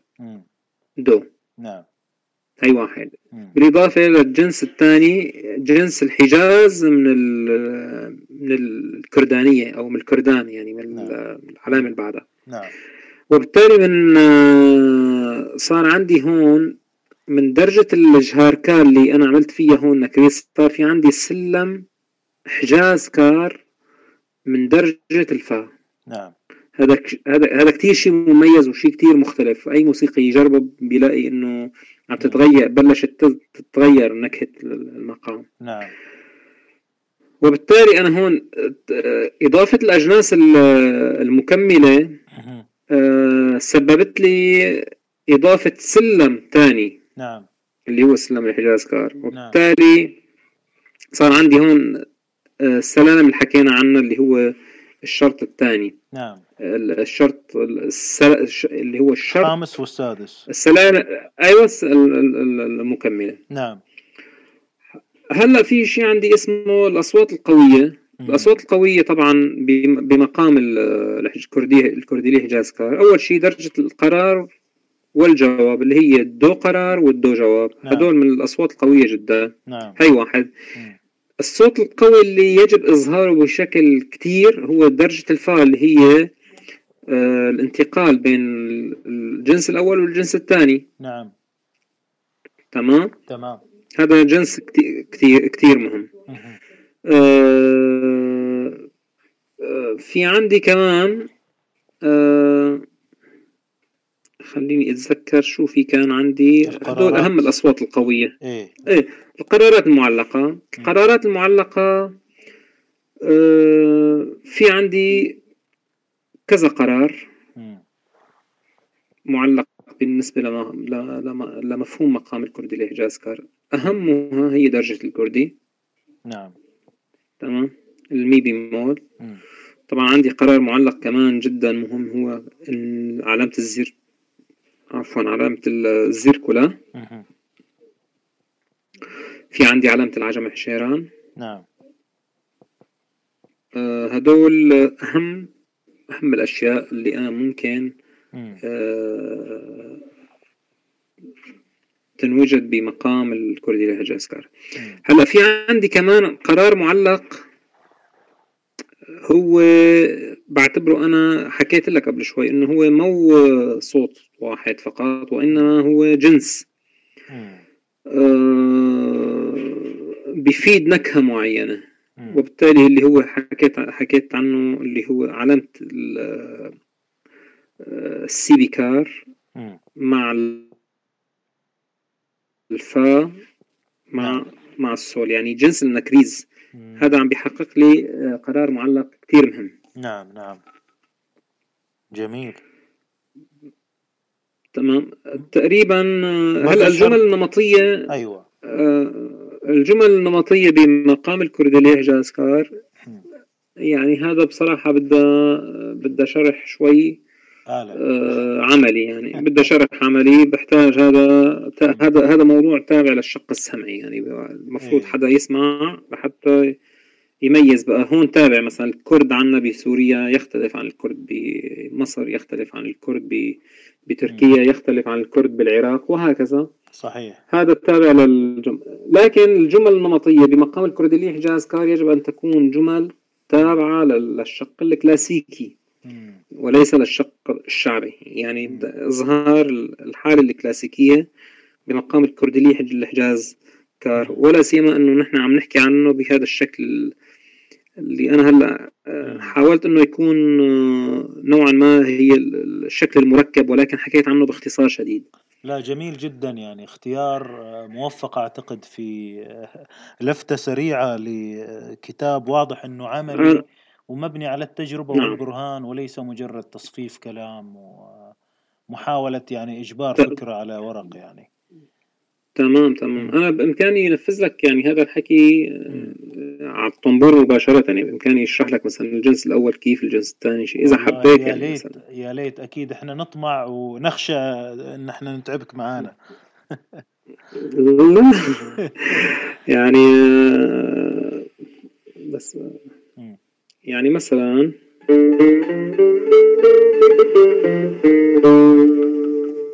خلينا نشوف الجنس الأول. دو ري مي فا الجنس الأول من الكردان من علامة الراس عفوا. إلى علامة الجهاركة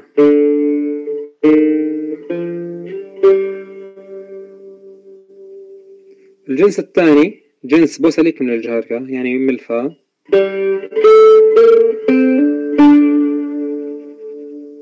هلا في عندي جنس ثالث اللي هو جنس الكردي من من, من الكردان يعني نعم. من الدوجوا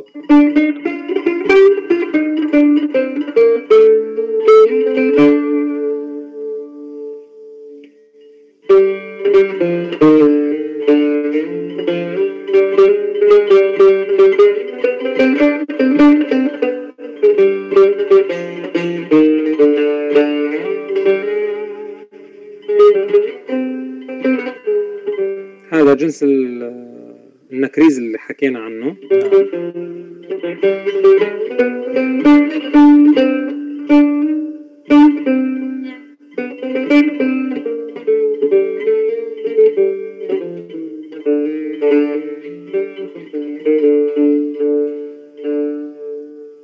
طبعا في شغلة ثانية أنا بالمقام المركب ممكن أنا أنفذ بشكل آخر. مثلا.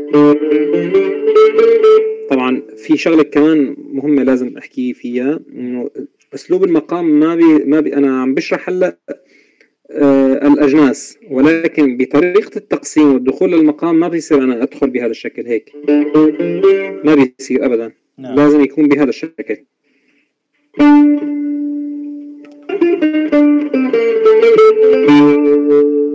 بالأسلوب الصاعد يعني من الجواب للقرار.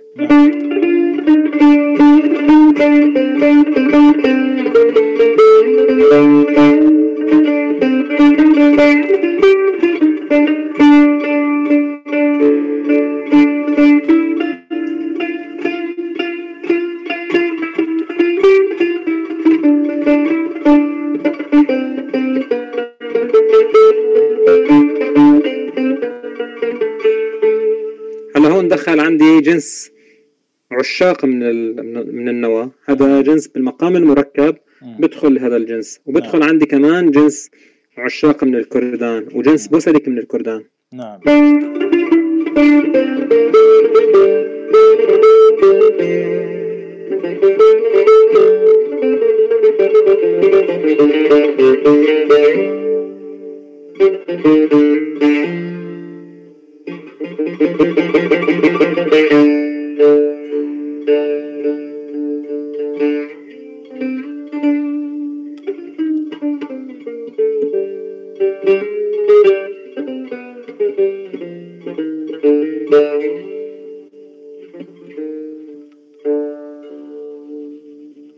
بشكل مختصر جدا. الله الله. جميل جميل يا أستاذ. يعني شيء يبعث على الفخر والتهنئة بصراحة في نفس الوقت ونتطلع لرؤية الكتاب والتعلم منه والواحد يعني ضروري لكل مهتم أن أن يكون ملم أتمنى والله إن شاء الله قريبا يعني عم بسعى أنا إنه لاقي الجهة اللي بتتبنى هذا الشيء آه، واللي تساعدني يعني بنشره بطريقة تكون آه، يعني آه، ملائمة مناسبة لهيك كتاب. أنا بشوفه يعني ذو قيمة هائلة يعني بصراحة. على أي. موسيقي ممكن يقتنيه. طيب. إن شاء الله يعني أنا بتمنى ذلك وأتمنى إن شاء الله نشره. إن شاء الله يعني الأمور مش صعبة. إن شاء الله الأمور مش صعبة. ان شاء الله. وقريبا نشوفه. وإحنا موعودين بحلقة مفصلة في النظرية. لكن عندي سؤالين عن الموضوع هذا قبل ما نرتاح مع شيء من عزفك الأستاذ. آه، السؤال الأول هذا الكتاب معني بأي موسيقى؟ لازم يعني نوضح هذا الكتاب هذا الكتاب معني ب ب ب بالموسيقى الشرقية الكلاسيكية. م. سواء كانت عربية سواء كانت آه، تركية سواء كانت فارسية سواء كانت أي موسيقى آه، تحت مسمى الموسيقى الشرقية. واضح. يعني الموسيقى العربية في في شقها الكلاسيكي الشرقي هي خاضعة على هذا الموضوع. الموسيقى التركية الشرقية كمان خاضعة على الموضوع. طبعا هذا الكتاب آه لا يعنى بموضوع الموسيقى الشعبية العربية أو الموسيقى الشعبية التركية. هذا الحكي ما بنطبق عليه. لنفترض أخذنا نحن اليوم بالموسيقى التركية عازفين الموسيقى الشعبية الآلة البزق البغلمة. إيه. هي هي هذا هذا كلام مختلف تماما يعني. صحيح. إذا بدك تطبق أنت الأبعاد الموجودة على البغلمة التركي ما راح ينطبق على موضوع الموسيقى الشرقية أبدا. كذلك الموسيقى الشعبية العربية آه، أو البدوية أو ما بنطبق عليه هذا الحكي. هي بالضبط. هي هو كتاب يعنى ب بالشق الكلاسيكي الشرقي. أنا عم بعمل شيء آه يعني حافظ فيه على الكلاسيكية الشرقية. مثل ما الغرب محافظين على الكلاسيكية الغربية من خلال أبحاثهم ودراساتهم سواء بالسيمفوني أو بالإيتوداد أو بالمقطوعات الآلية نعم. الغربية. أنا كتابي كتابي هذا يعنى بالشق الكلاسيكي النخبوي بصراحة بالموسيقى الشرقية سواء كانت تحت أي مسمى سواء كانت عربية تركية فارسية هذا هذا كلام عام أنا عم بحكي فيه بشكل رياضي يعني. يعني واحد زائد واحد يساوي اثنين. ما في عندي شيء اسمه بالموسيقى صوت ينتمي لقومية دون أخرى. يعني صوت الدو أو صوت الفاء أو صوت الجهاركا أو البعد الطنيني هو بعد واحد موجود بكل الموسيقية بكل الموسيقات الشرقية. تبقى الاختلافات هي خبرة شخصية للعازف المتمكن. دائما الاختلافات نحن هي هو عبارة عن اختلاف لهجات خلينا نسميه. مثل ما نحن آه، مثلا أنت بتشوف بالموسيقى بالموسيقات الشعبية بتلاقي هذا الاختلاف أوضح. يعني مثلا بتشوف البيات عنا يختلف نوعا ما عن البيات التركي يختلف نوعا ما عن البيات المصري.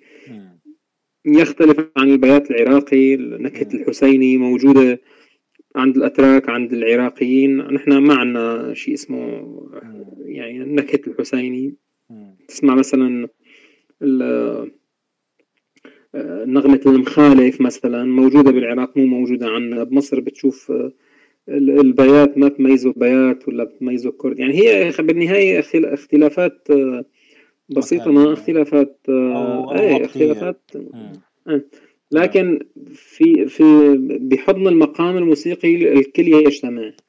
يعني آه، وقت بدك تغني مثلا دور من مقام آه، القرجغار مثلا دور ضيعتي مستقبل حياتي بيعدي بشروط المقام. كاملة مثلا. والموشحات مثله مثل نعم مثله مثل مثل أي سماعي تركي من مقام الشهاركة نفس الشيء يعني هذا يخضع للمقامية وهذا يخضع للمقامية جميل. لكن آه، الموسيقات دائما قلت لك كل ما راحت باتجاه آه، فئة معينة شعب يعني آه، ابتعدت شوي عن النخبوية كل ما تخص يعني كل ما صار فيها تخصص بيئي أكثر من إنه تخصص علمي. جميل جميل. يعني محلية ولا يعني محل بالضبط بالضبط محلية نعم. جميل جميل أستاذ. يعني أنت كده تطمعنا أستاذ إن إحنا نشوف كتب أخرى. يعني أنا واضح من من خبراتك إن في عندك مثلا يمكن أفكار لتمارين أفكار إلى كتاب إيقاعات كتاب قوالب. كتاب شخصيات موسيقية مهمة أو في التاريخ. والله هذا الموضوع نعم نعم. هذا الموضوع آه، يعني ما غاب عن ذهني ابدا إنه أنا لازم أعمل شيء ثاني غير المقامات الموسيقية. ممكن نعمل شيء عن الموسيقات الشعبية مثلا. ممكن نعمل عن شخصيات موسيقية. أنا كثير بهتم بتفاصيل موسيقيين وقت بشوف مثلا شخصية مثل جميل بيك. هذا الشخص هذا الشخص اللي اللي صنع بفترة قصيرة جدا معجزات موسيقية على الطنبور نعم نعم. معجزات تأليفية ومعجزات يعني صراحة يعني خيالية يعني أنا بعتبرها. نعم. جميل جميل. فهذا هذا هذا الحكي وارد إنه نحن يكون عندنا شيء نحكي فيه مثلا عن أعلام الموسيقيين اللي اللي اللي أسسوا يعني مو بس بآلة الطنبور بآلة العود بمؤلفات. يعني بنحكي عن أشخاص ذو فكر موسيقي هام. ابتكارات. يعني اثروا يعني اثروا وأغنوا أغنوا أغنوا المكتبة الموسيقية الشرقية. جميل جميل. أستاذ أنت ذكرت الطنبوري. ليش ما نرتاح مع مقطوعة تقترحها من عزفك؟ أه تكرم عيونك. أنا بحب مثلا سمعكم مثلا تقسيم من مقام محير مثلا مع سماعي محير. طنبوري جميل بيك. شو رأيك؟ والله يا ليت. نسمعها أعزائي المستمعين.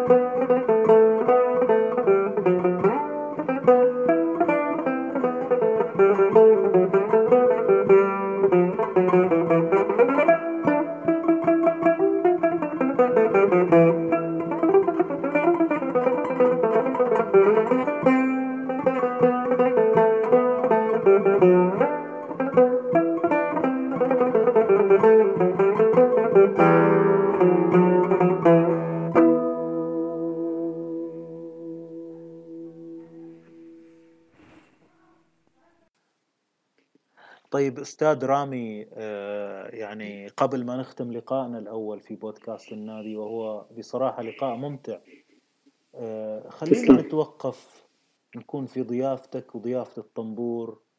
يعني هذه الآلة الآن يعني ما أعرف كم واحد يعزفها في العالم العربي. آه، أنت واحد من أهم الناس اللي يعزفوها. كلمني عنها ميزاتها وقارن لي بينها وبين الآلات الشبيهة. وإيش طيب. ممكن تقدم لنا يعني في الموسيقى العربية طيب. هلا أنا أول شيء بعتبر آلة الطنبور آه هي الآلة الأم لآلات الزند الطويل يعني بمعنى هي هي هي أساس آه لآلات البزق البغلمة الساز آه والآلات المشتقة اللي بتتميز بطول الزند. آه، الميزة اللي بتمتاز فيها بين هالآلات يعني ما راح أحكي اختلاف عن العود راح أحكي اختلاف عن آلات مشابهة لها اللي هي مثلا آلة البزق آلة الساز أو البغلة هي أول شيء آلة آه، ذات زند طويل جدا. آلة اختصت اختص بدراسة العلامة الفارابي. واستنتج من خلالها السلم الموسيقي الشرقي. يعني استنتج من خلالها السلم اللي بيعتمد على التقسيمات اللوغاريتمية اللي أوجد من خلالها القوم الموسيقية. يعني أنا مثلا عندي بال بالطنبور الآلة الوحيدة اللي اللي تقسيماتها تعتمد على التقسيمات تقسيمات القومة الموسيقية. يعني أعطيك مثال مباشر لها مثلا أنا عندي لنفترض سول لا أعطيك مثلا جنس راست مثلا آه، أو جنس راح أميز لك إياهم بالأجناس بين جنس الراست وجنس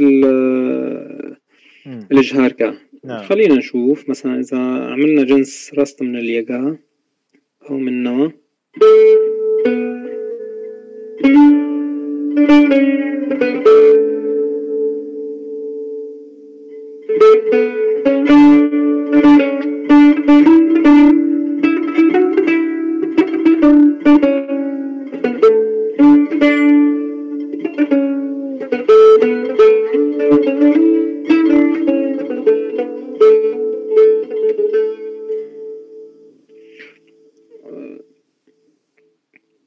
هلا لاحظ إنه أنا راح أضرب مثلا سول سي هي السي ناقصة كوما اسمها فهي العلامة هاي بآلات البزق وآلات البغلمة لا يمكن أنه تحصل عليها. لأني هي سي ناقصة كوما لأني أنا عندي مثلا علامة سي naturel علامة سي naturel سي ناقصة كوما سي ناقصة كومتين يعني مثلا إذا بدي أعمل لك مثلا جنس راست قريب من من الراست العربي.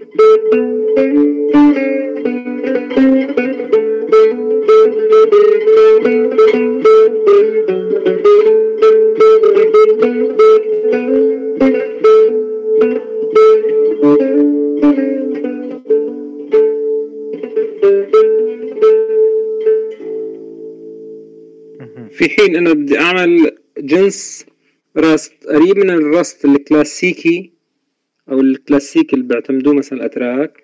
لاحظ.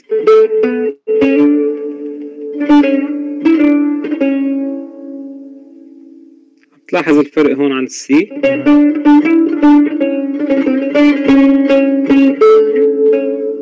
لاحظت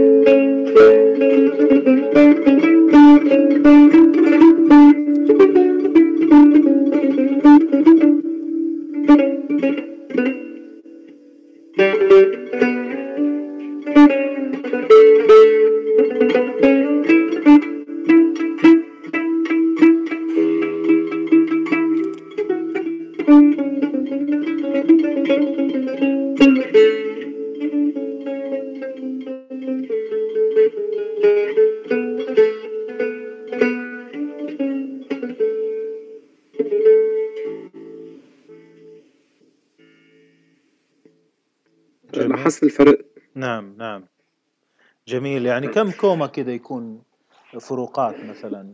آه، لو نشرحها بالكلام. يعني أنا عندي بين الرست العربي والتركي. عندي مثلا بالدرجة الثالثة آه، في عندي حوالي اثنين قومة فرق نعم. عم بيصير. نعم. جميل.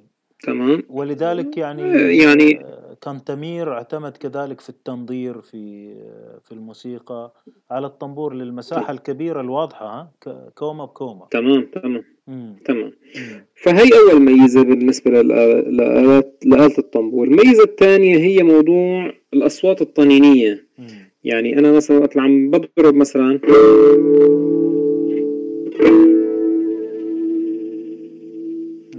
تلاقي صوت مليء جدا بالأصوات يعني بالتوافق يعني التوافق الصوتي بين الأوتار وبين آه، الصوت ذو المساحة الواسعة يعني مثلا وقت عم تسمع هيك.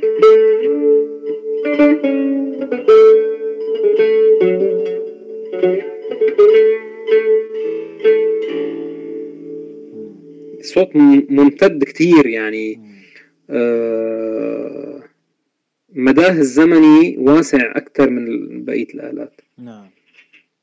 رنين هاي شغلة. تمام مم. تمام. جميل.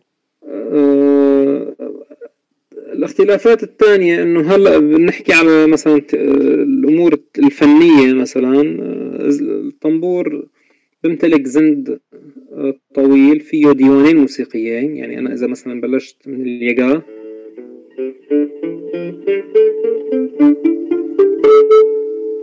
أول ديوان مثلا.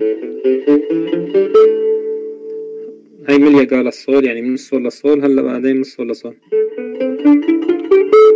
هاي الجنس الثاني. على نفس الوتر ديوانين موسيقيين. يعني سلمين موسيقيين بكل بالزند. نعم. في حين إنه البزق بيمتلك مثلا ديوان ونص. وفي منهم بيكون أقل يعني البغلة ما بيكون فيها مثلا دو من دو للفا فقط. يعني دو دو فا بس. نعم. أما الطنبور مثلا صول صول صول نعم. يعني مساحته ك بالزند بالزند يعني مساحته بتكون واسعة أكثر. فيه ديوانين نعم. جميل. وعدد الأوتار هو آلة عدد الأوتار تمام. عدد الأوتار فيه أول وتر مزدوج مم. اللي هو بالدوزن آه، صول يكاه الوتر اللي بعدين الفوقه بكمان وتر مزدوج. بيجي إما رست أو دقا هلا أنا م...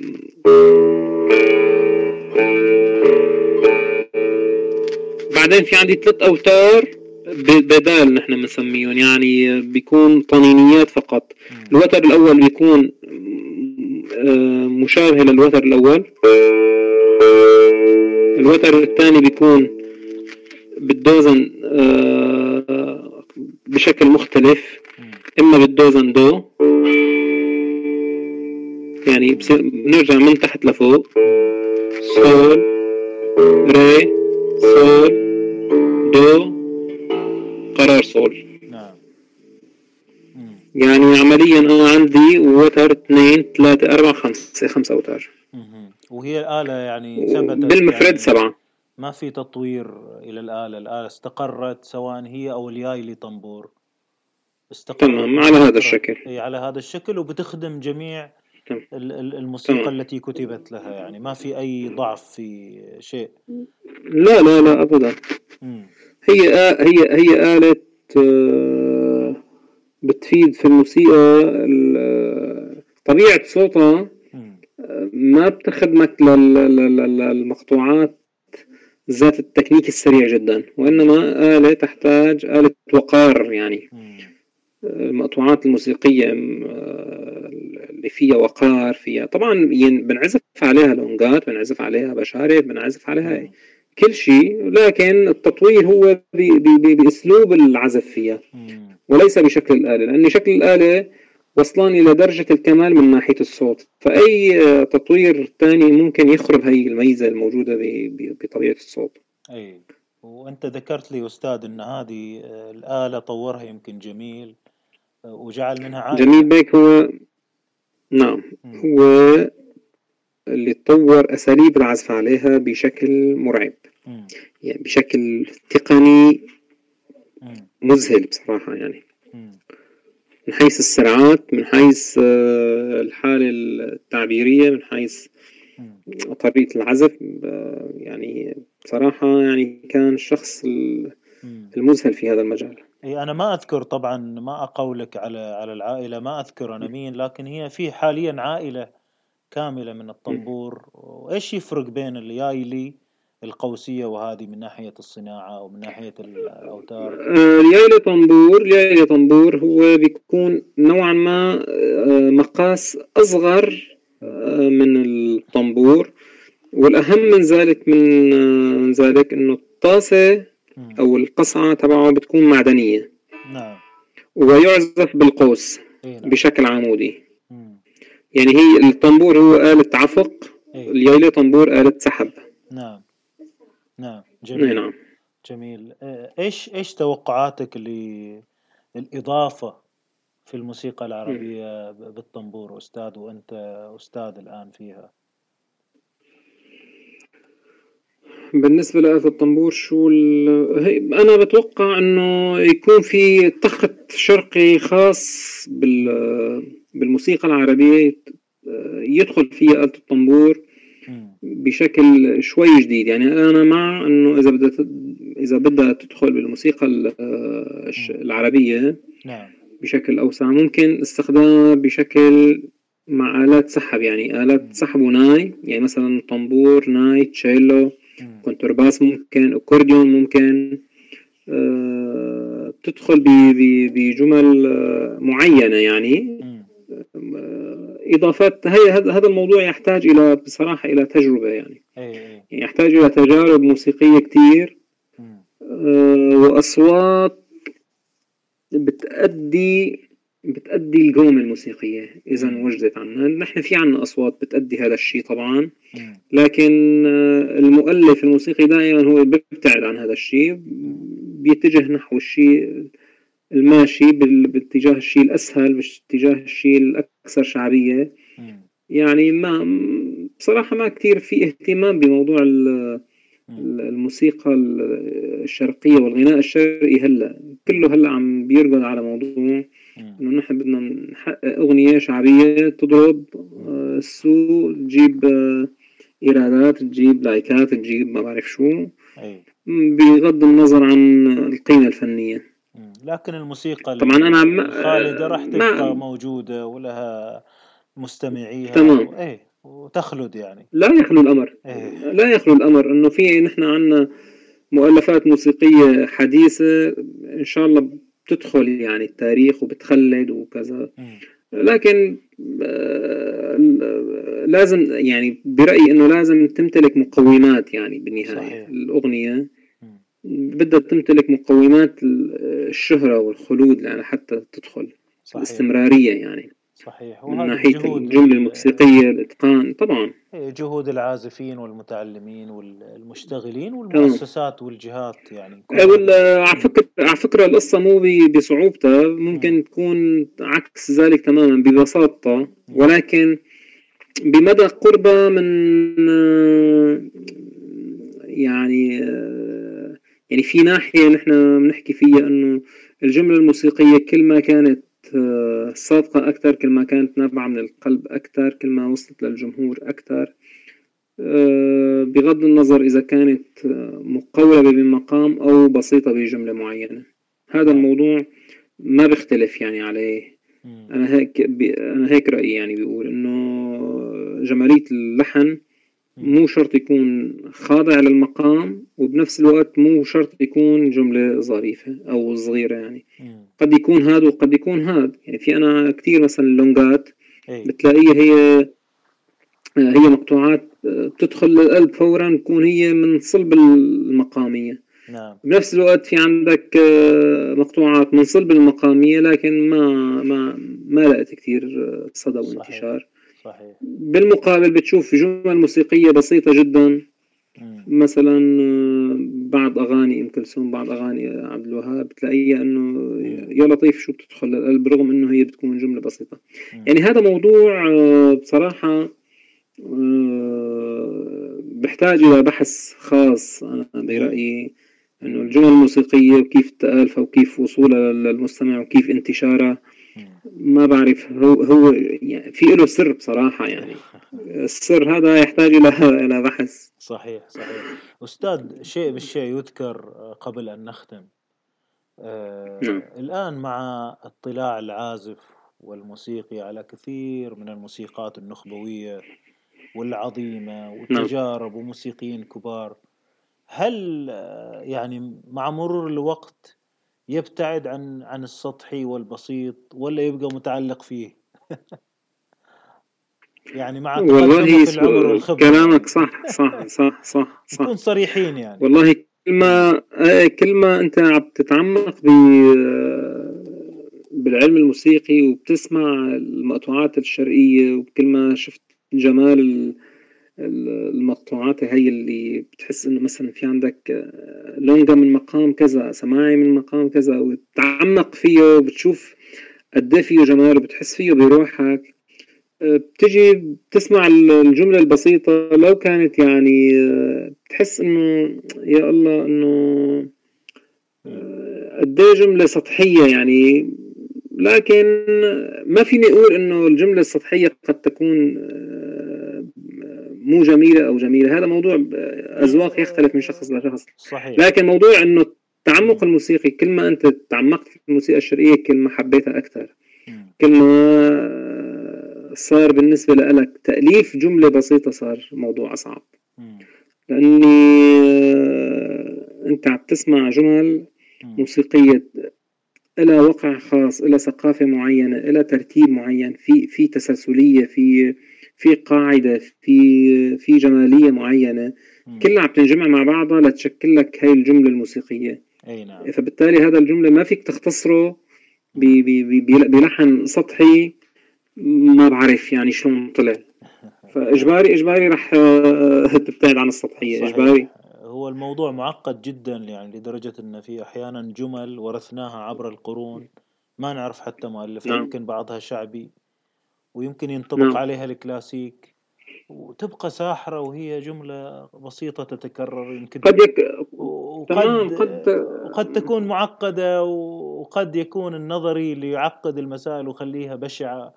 يعني المسألة معقدة صح. مثل ما قلت تحتاج بحث أستاذ. تمام. قد يكون كمان في عندك عامل اعتياد. مم. يعني نحن اعتدنا مثلا نسمع كذا كذا موروث معين وبالتالي صار بالنسبة لنا شيء بسيط ومحبب ولكن هو قد يكون معقد من حيث التأليف. لكن أنت العادة جرت العادة أنه أنت تسمعه بشكل دائم دوما دوما. أعطاك نوع من البساطة. أعطاك نوع من الاعتياد.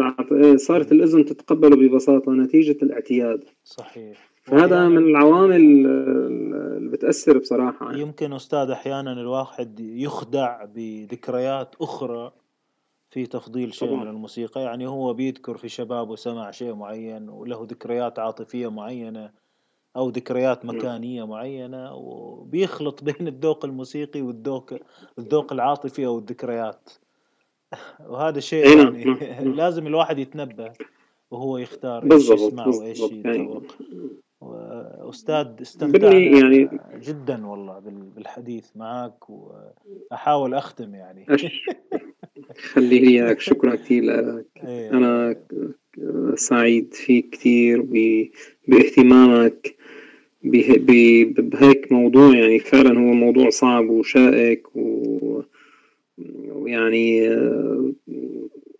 قد كلامي هلا ما يعجب كثير من الموسيقيين ولكن قد يعجب الآخرين. لكن هو بالنهاية أنا بشوفه كلام حقيقة يعني.